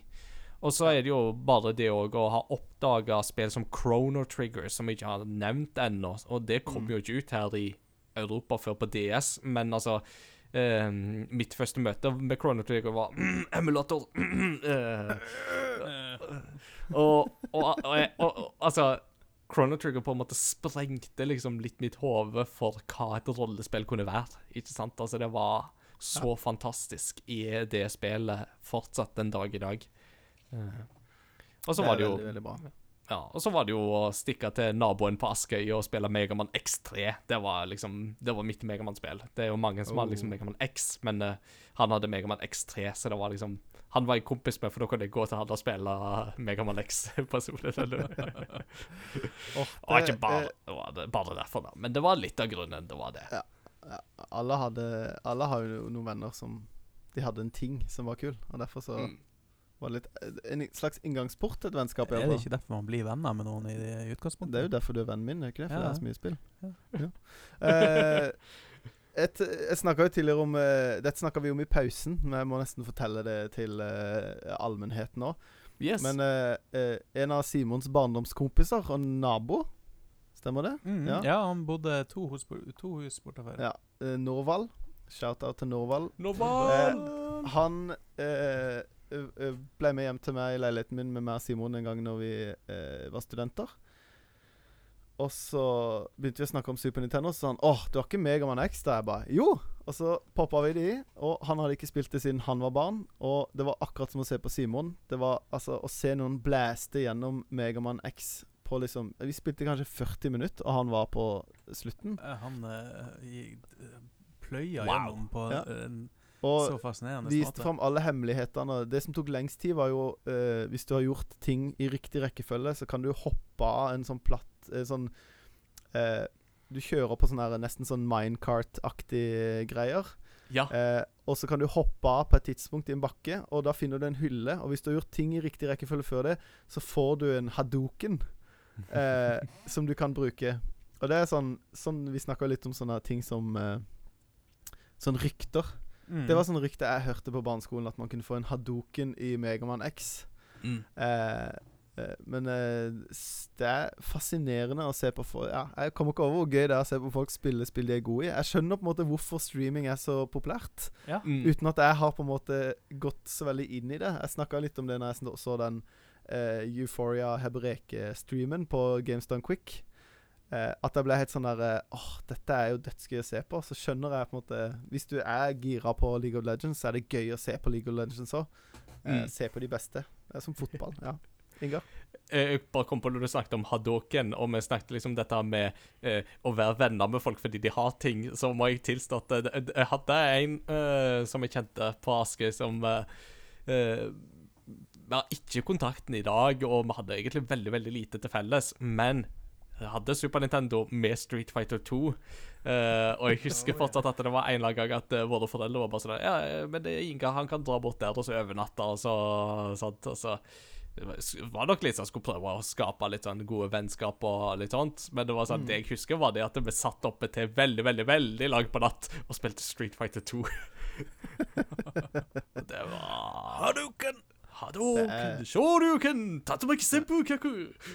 Et cetera, Etc., etc. Og snakke om god musikk. Everything goes with Giles theme. Ja, det er helt rått. Det, det er bra theme og Capcom, altså. De hadde mye bra Ja. musikk på den tida. Yoko Shimomura. Det er damer som kunne komponere musikk, altså. Og fortsatt kan det, absolutt. Det Ja. Hun står blant annet bak musikken i Final Fantasy 15, for å nevne noe. Og hvis du liker Nei, Street Fighter men 2, så må du se High Score Girl. Det Ja Åh, for en serie. All right, hvis vi nå, vi må, nå har vi holdt på i det lange og vide og breie, og I'm partly to blame for that, definitely. Men eh, hvis vi skal oppsummere våre liksom toppspill til Super Nintendo, da kan vi tenke ja, Vi setter grenser der vi kan, men hvis vi prøver på topp tre, da eh, Ja. Hva blir topp tre-spill til Super Nintendo? Skal jeg starte? Er det, det, er det de tre launchtitlene? ja, det er launch-titlene. Nei, ikke Pilot Wings, altså. Nei, okay. Jeg klarer ikke Det var en erfaring å ha med i livet, men altså Det, Ja. det er ikke noe Åh, det er lite glede Ja. i uh, akkurat det spillet. Men um, kommer ikke unna Zelda Link to the Past. Det, Mm. eh, det er for meg spillet. Mm. Pluss eh, én. Ja, som, som det definerer det, det meste av eh, barndommen, og eh, det er alltid det spillet jeg kommer tilbake til. Ja.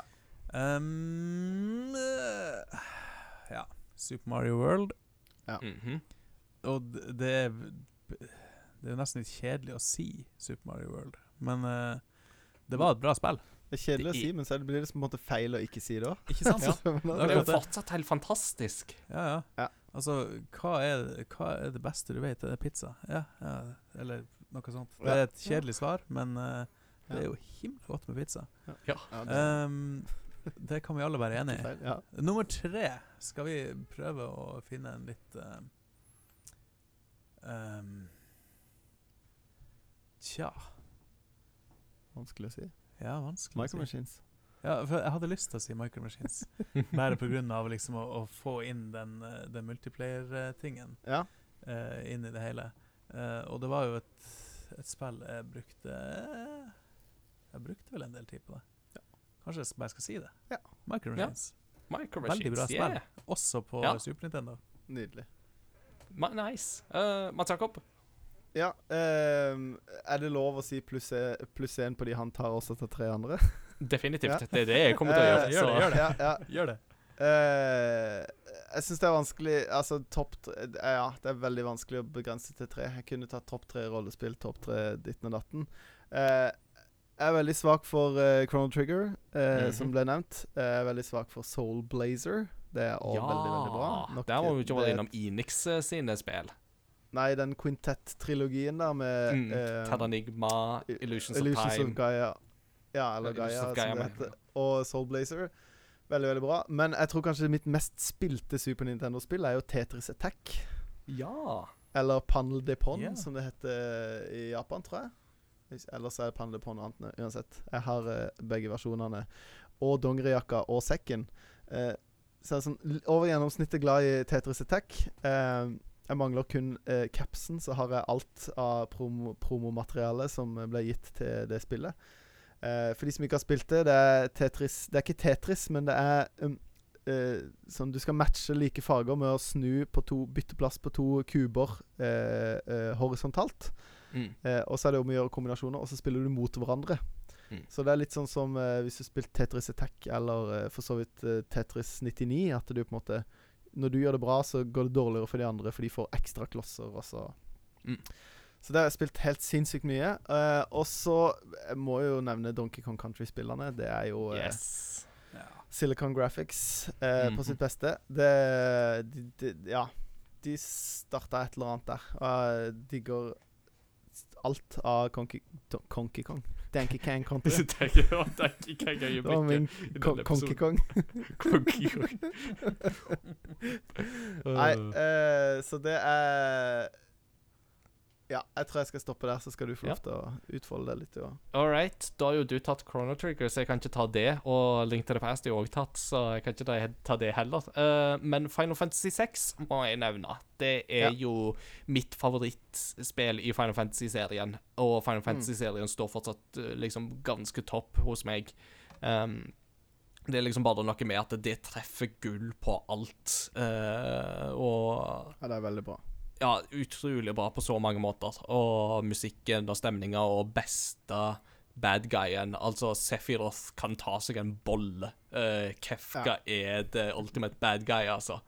Ja. Uh, han var jo den Ja, sorry, men jeg skulle bare si at han var jo Heath Ledgers Joker 14 år før Heath Ledger tolka Joker. Ja. Og hva skal jeg si? That opera scene, though. Det That opera scene. det er ganske Yes. det, er, det, er, det er kruttsterke greier til å være 16-bit, altså. Det helt. Absolutt. Og det, og, altså, og det å høre den operaen Altså ikke nødvendigvis i 16-bit-utgaven, men i liksom Mm. den moderne utgave Jeg får chills og tårer i øynene hver gang, jeg, altså, for det er mektige saker. altså Uematsu på kult. sitt beste. Um, Super Metroid definitivt må Mm. nevnes. Så utrolig bra stemningsfullt spill det er, uten å bruke ord for å fortelle noe som helst. Eh, Det er å bare liksom Metroidvania heter det i dag, men det heter egentlig bare Metroid på det tidspunktet. eh, og det Ja. er ikke så rart, liksom. Så det er superbra, altså. Um, Og så er liksom spørsmålet hva jeg skal ta som tredjespill, sånn uh, bortsett fra det som dere har nevnt. Men uh, jeg må vel nesten nevne Megaman X-serien, da. Uh, Og Mm. da kanskje særlig Megaman X3, som jo var Mm. det spillet jeg hadde et forhold til. Men Ja. alle disse Megaman X-spillene som kom ut, er jo veldig, veldig gode. Eh, kan jo òg skyte inn et eh, en liten honnør til spill som uh, F-Zero har vi jo nevnt, og Star Åh. Fox er jo òg et sånt spill som er litt sånn kult Absolutt. å nevne. Og ikke minst Super Castlevania 4. Det Ja. har vi ikke nevnt, men det, det er òg et sånt spill som absolutt eh, har groovy musikk. Absolutt. Det, er- der er det Der er det veldig, veldig mye bra. Mm. Altså, vi har jo Jeg føler vi har jo nevnt de liksom fleste beste. Secret of Mana har jeg glemt å nevne. Det Ja. Som sagt, jeg kunne jo nevnt RPG-er i fleng, men eh, Mm. Og Secret of Mana var jo egentlig tenkt som et uh, PlayStation-spill, altså til Nintendo PlayStation. Uh, Mm. Og så måtte de konvertere det. Så det er litt Ja. kult. ja, det er ganske kult. Og det Hva skal jeg si? Det har jo tre player. Det er Ja. ikke mange spill som kun har tre player, Nei. så det er Indeed. ganske unikt der. Ja. For dette er en hebreke pachinko-kontroller til Super Nintendo. What? It's curiosity. What are you gonna show to me? It's curiosity. What a neat thing to know. It's curiosity. What are you gonna show to me? I haven't even heard of it. What a neat thing to know. It's a great part of the show. Da når vi nærmer vi oss slutten av episoden, så mm. der tar dere og mister blyanten i gulvet, men det går fint. Mats Jakob, mens jeg plukker opp den blyanten, så kan jo du fortelle en eh, liten kuriositet. Nå skal jeg fortelle en liten kuriositet. Eh, for vi snakka litt om Donkey Kong Country, men Donkey Kong Country tok jo spillmediet med storm. Med denne her, eh, for første gang, hvis du kan kalle det realistisk grafikk. Eh, men iallfall noe veldig annerledes, som gikk for en mer realisme enn mye annet. Eh, og ehm, eh, Det spillet slo jo veldig, veldig an. Og eh, i den artikkelen jeg fant denne kuriositeten i, så står det 'Donkey Kong Country changed everything when it hit shelves in 1994'. Og det er, er jo helt sant. Mm. Og eh, etter at dette spillet kom ut, så eh, dro eh, Shigeru Miyamoto til Nintendo for å pitche et spill som var Yoshi's Island. Og så sa de Nei, kan du ikke lage noe som ligner litt mer på Donkey Kong Country, da? Eh, eh, det, var, det var for søtt og fargerikt. Det var, vi vil ha Mhm. realistiske spill. Mm. Eh, og Miyamoto eh, gikk tilbake, og jeg ser ikke for meg at det var veldig ofte at han eh, fikk liksom ting eh, rejecta sånn rett ut. Eh, det Miyamoto gjorde da, var at han gikk og sa OK, dere vil ha realistisk, da skal jeg gå enda mer fargerikt, enda mer tegneserie, enda mer sånn. Dro tilbake med nytt spill som var enda søtere og enda mer fargerikt og sånn, og så sa de ja, OK, det her likte vi. Og så ble det Yoshi Island 2. Så Miyamoto var sånn Nice. det, det var litt sånn derre Å ja, unnskyld, men du skjønte ikke hva jeg mente. Her er dette jeg mente. You don't know the brilliance of me. Så, eh, og det er jo et spill som gikk rundt og solgte fire millioner spill. Så det, Mm. det er ganske bra. Mm. Og som òg er en favoritt for mange på Super Nintendo, og det er jo veldig forståelig, for det er veldig bra, det òg. Jeg vet at eh, eh, Christian i denne sammenhengen hadde jo nevnt Yoshi's Island og Super Tennis. Yes. Det er to spill jeg vet han liker godt på Super Nintendo. Yeah.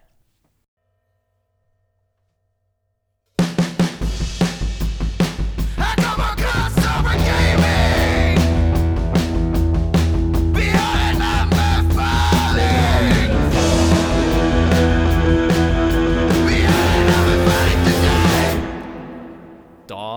Kommet til anbefalingen, og når vi har gjest, så må vi jo spørre gjesten om han eller hun har noe å anbefale. Så Simon, vil du komme med en anbefaling til oss? Ja. Um, jeg, har jo tenkt litt på det, for dere sa jo, eh, sa jo på forhånd at jeg måtte komme med en anbefaling. Um, og så hadde jeg ikke tenkt på, på det så veldig mye før vi satte oss ned her. Ehm, og så tenkte jeg jeg kunne jo eh, anbefalt eh, både det ene og det andre. Eh, og så tenkte jeg kanskje jeg skal anbefale noe Super Nintendo, men vi har snakka veldig mye om Super Nintendo nå. Ja. Og nå eh, begynner jeg nesten å eh, eh, Jeg tok meg sjøl nå å bare lete etter noen titler eh, på spill jeg spilte som som jeg syntes var råbra. Eh, og så fant jeg noen av dem, og så tenkte jeg gjennom at nei, det var kanskje ikke så bra likevel. Em, så kanskje jeg må gå uh, faktisk til uh, til PC-land. Uh. eh, til et av mine favorittspill gjennom tidene. Um, som jeg enda spiller eh, fordi at det er gjort til open source eh, og ligger eh, lett tilgjengelig på interwebsen. Som da eh, sikkert veldig mange spiller. Eh, jeg er ikke sikker, men jeg spiller det ganske mye og kan finne på også å logge meg på med, med eh, han som var forloveren min, han Torfinn. Han Mm. med PlayStation 3. Uh, og noen flere, og spille det spillet her. Og det er altså Transport Tycoon Deluxe. Ah. Jeg vet ikke om dere spilte det noensinne, men det er et um, um, Kall det et veldig tidlig SimCity. På en Mm. måte, selv om SimCity egentlig kom Kom vel egentlig før. Når Tidlig. SimCity, men etterpå. Uh, ja. it's like uh, it's like before, but yeah. after. The Before Times. Ja. Mm. Uh, Um, jeg kom akkurat på at SimCity var jo søren meg Det var jo Super Nintendo-spillet også, faktisk. Ja, det var det. Der Ja. kunne du jo få Bowser Ja. som kom og ødela byen. Virkelig, virkelig. men det var en naturkatastrofe. Ja. Gojira! ikke. Men jeg husker jo, eh, når vi studerte, så satt jo du og to andre iallfall, og Ja. satt på hver deres Stemmer datamaskin det, og for det var samme spillet. lana på forelesning. Ja. Uh, det Det hadde jeg helt glemt. Uh, men det spillet da ligger jo uh, på en eller annen nettside. Du kan søke på Open til Transport Tycoon. TTD. Mm. Transport Tycoon Deluxe. Open TTD. Eh, og Der kommer du til en nettside der du kan laste ned. Det ligger Det er open source, og det, det funker både til uh, PC og Mac og uh, hva enn du har. Eh, og har også noen, eh, noen veldig greie eh, forbedringer fra originalen som du kan Mm. gjøre. Men spillet går da ut på, for de som ikke kjenner det, så går det ut på å bygge opp et transportimperium. Mm. Um, der du kan begynne helt tilbake på 1930-tallet, tror jeg, med kun busser, og, og kanskje ikke det engang. Um, og så utvider det seg etter hvert Eller om det er tog som kommer først, jeg husker ikke helt hvordan det var. Uh, men du bygger toglinjer, du bygger uh, bussholdeplasser, båt og fly osv. osv. Um, og så eh, eh, transporterer ikke bare, ikke bare folk, men, eh, eh, men råvarer og sånne type ting også. Eh, og det er, det er bare kos. Nice. Skikkelig kos. Og så kan du, kan du manipulere terrenget rundt og flate helt ut. Og så kan du bli uvenner med bystyrene også, og så tillater de det ikke å bygge busstasjoner og sånne ting. Mm. Veldig, veldig flott spill. Og så kan du eh, Kanskje det som er gøyest med hele spillet, er jo utforminga av jernbanene. Mm. Der du kan bygge ganske store systemer med eh, Med lys, altså lys eh, kan man, Trafikklys og sånne Mm. type ting. Mm. Som eh, Hvis du bygger feil, så krasjer det veldig mange tog. Hvis du bygger det riktig, så kan du ha helt vanvittig svære eh, sånne linjer. Mm. eh, Mm. Og tjene vanvittig mye penger. Mm. Og det, det var kjempegøy, husker jeg. Eh, Nice. Også i studietida, som jeg kom på nå. Vi, vi hadde jo noen runder med det der. Og det Ja, det er kanskje det Ja. Det er et av de koseligste spillene jeg vet om.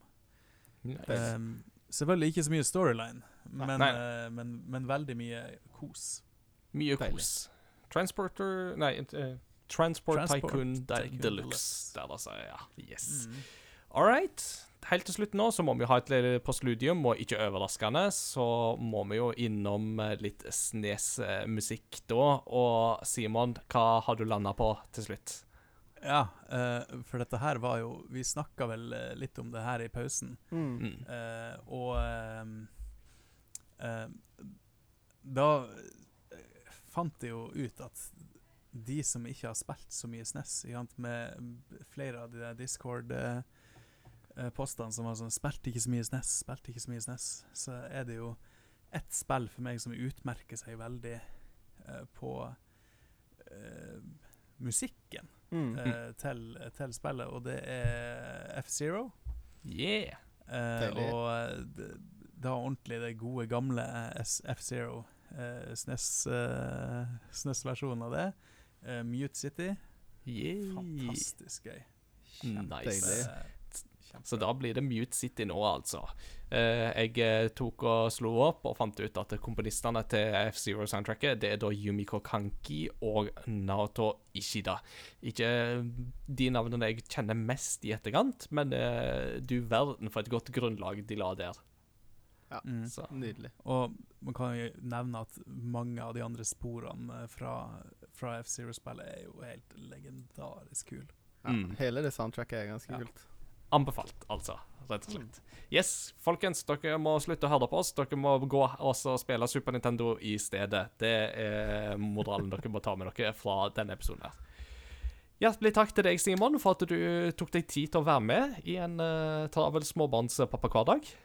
Jo, sjøl takk. Nydelig. var- Takk. Det var veldig hyggelig å komme på, eh, på besøk eh, på podkasten. Yeah, det må du veldig gjerne gjøre igjen. Det var altså. veldig trivelig. Yeah. Eh, Nydelig. Ellers så er vi tilbake igjen om to uker. Da blir det mye next gen-snakk, om vi får besøk da òg, så det er bare å glede seg til det. Vi snakkes ved neste korsvei. Ha det bra! Ha det bra. Ha det bra.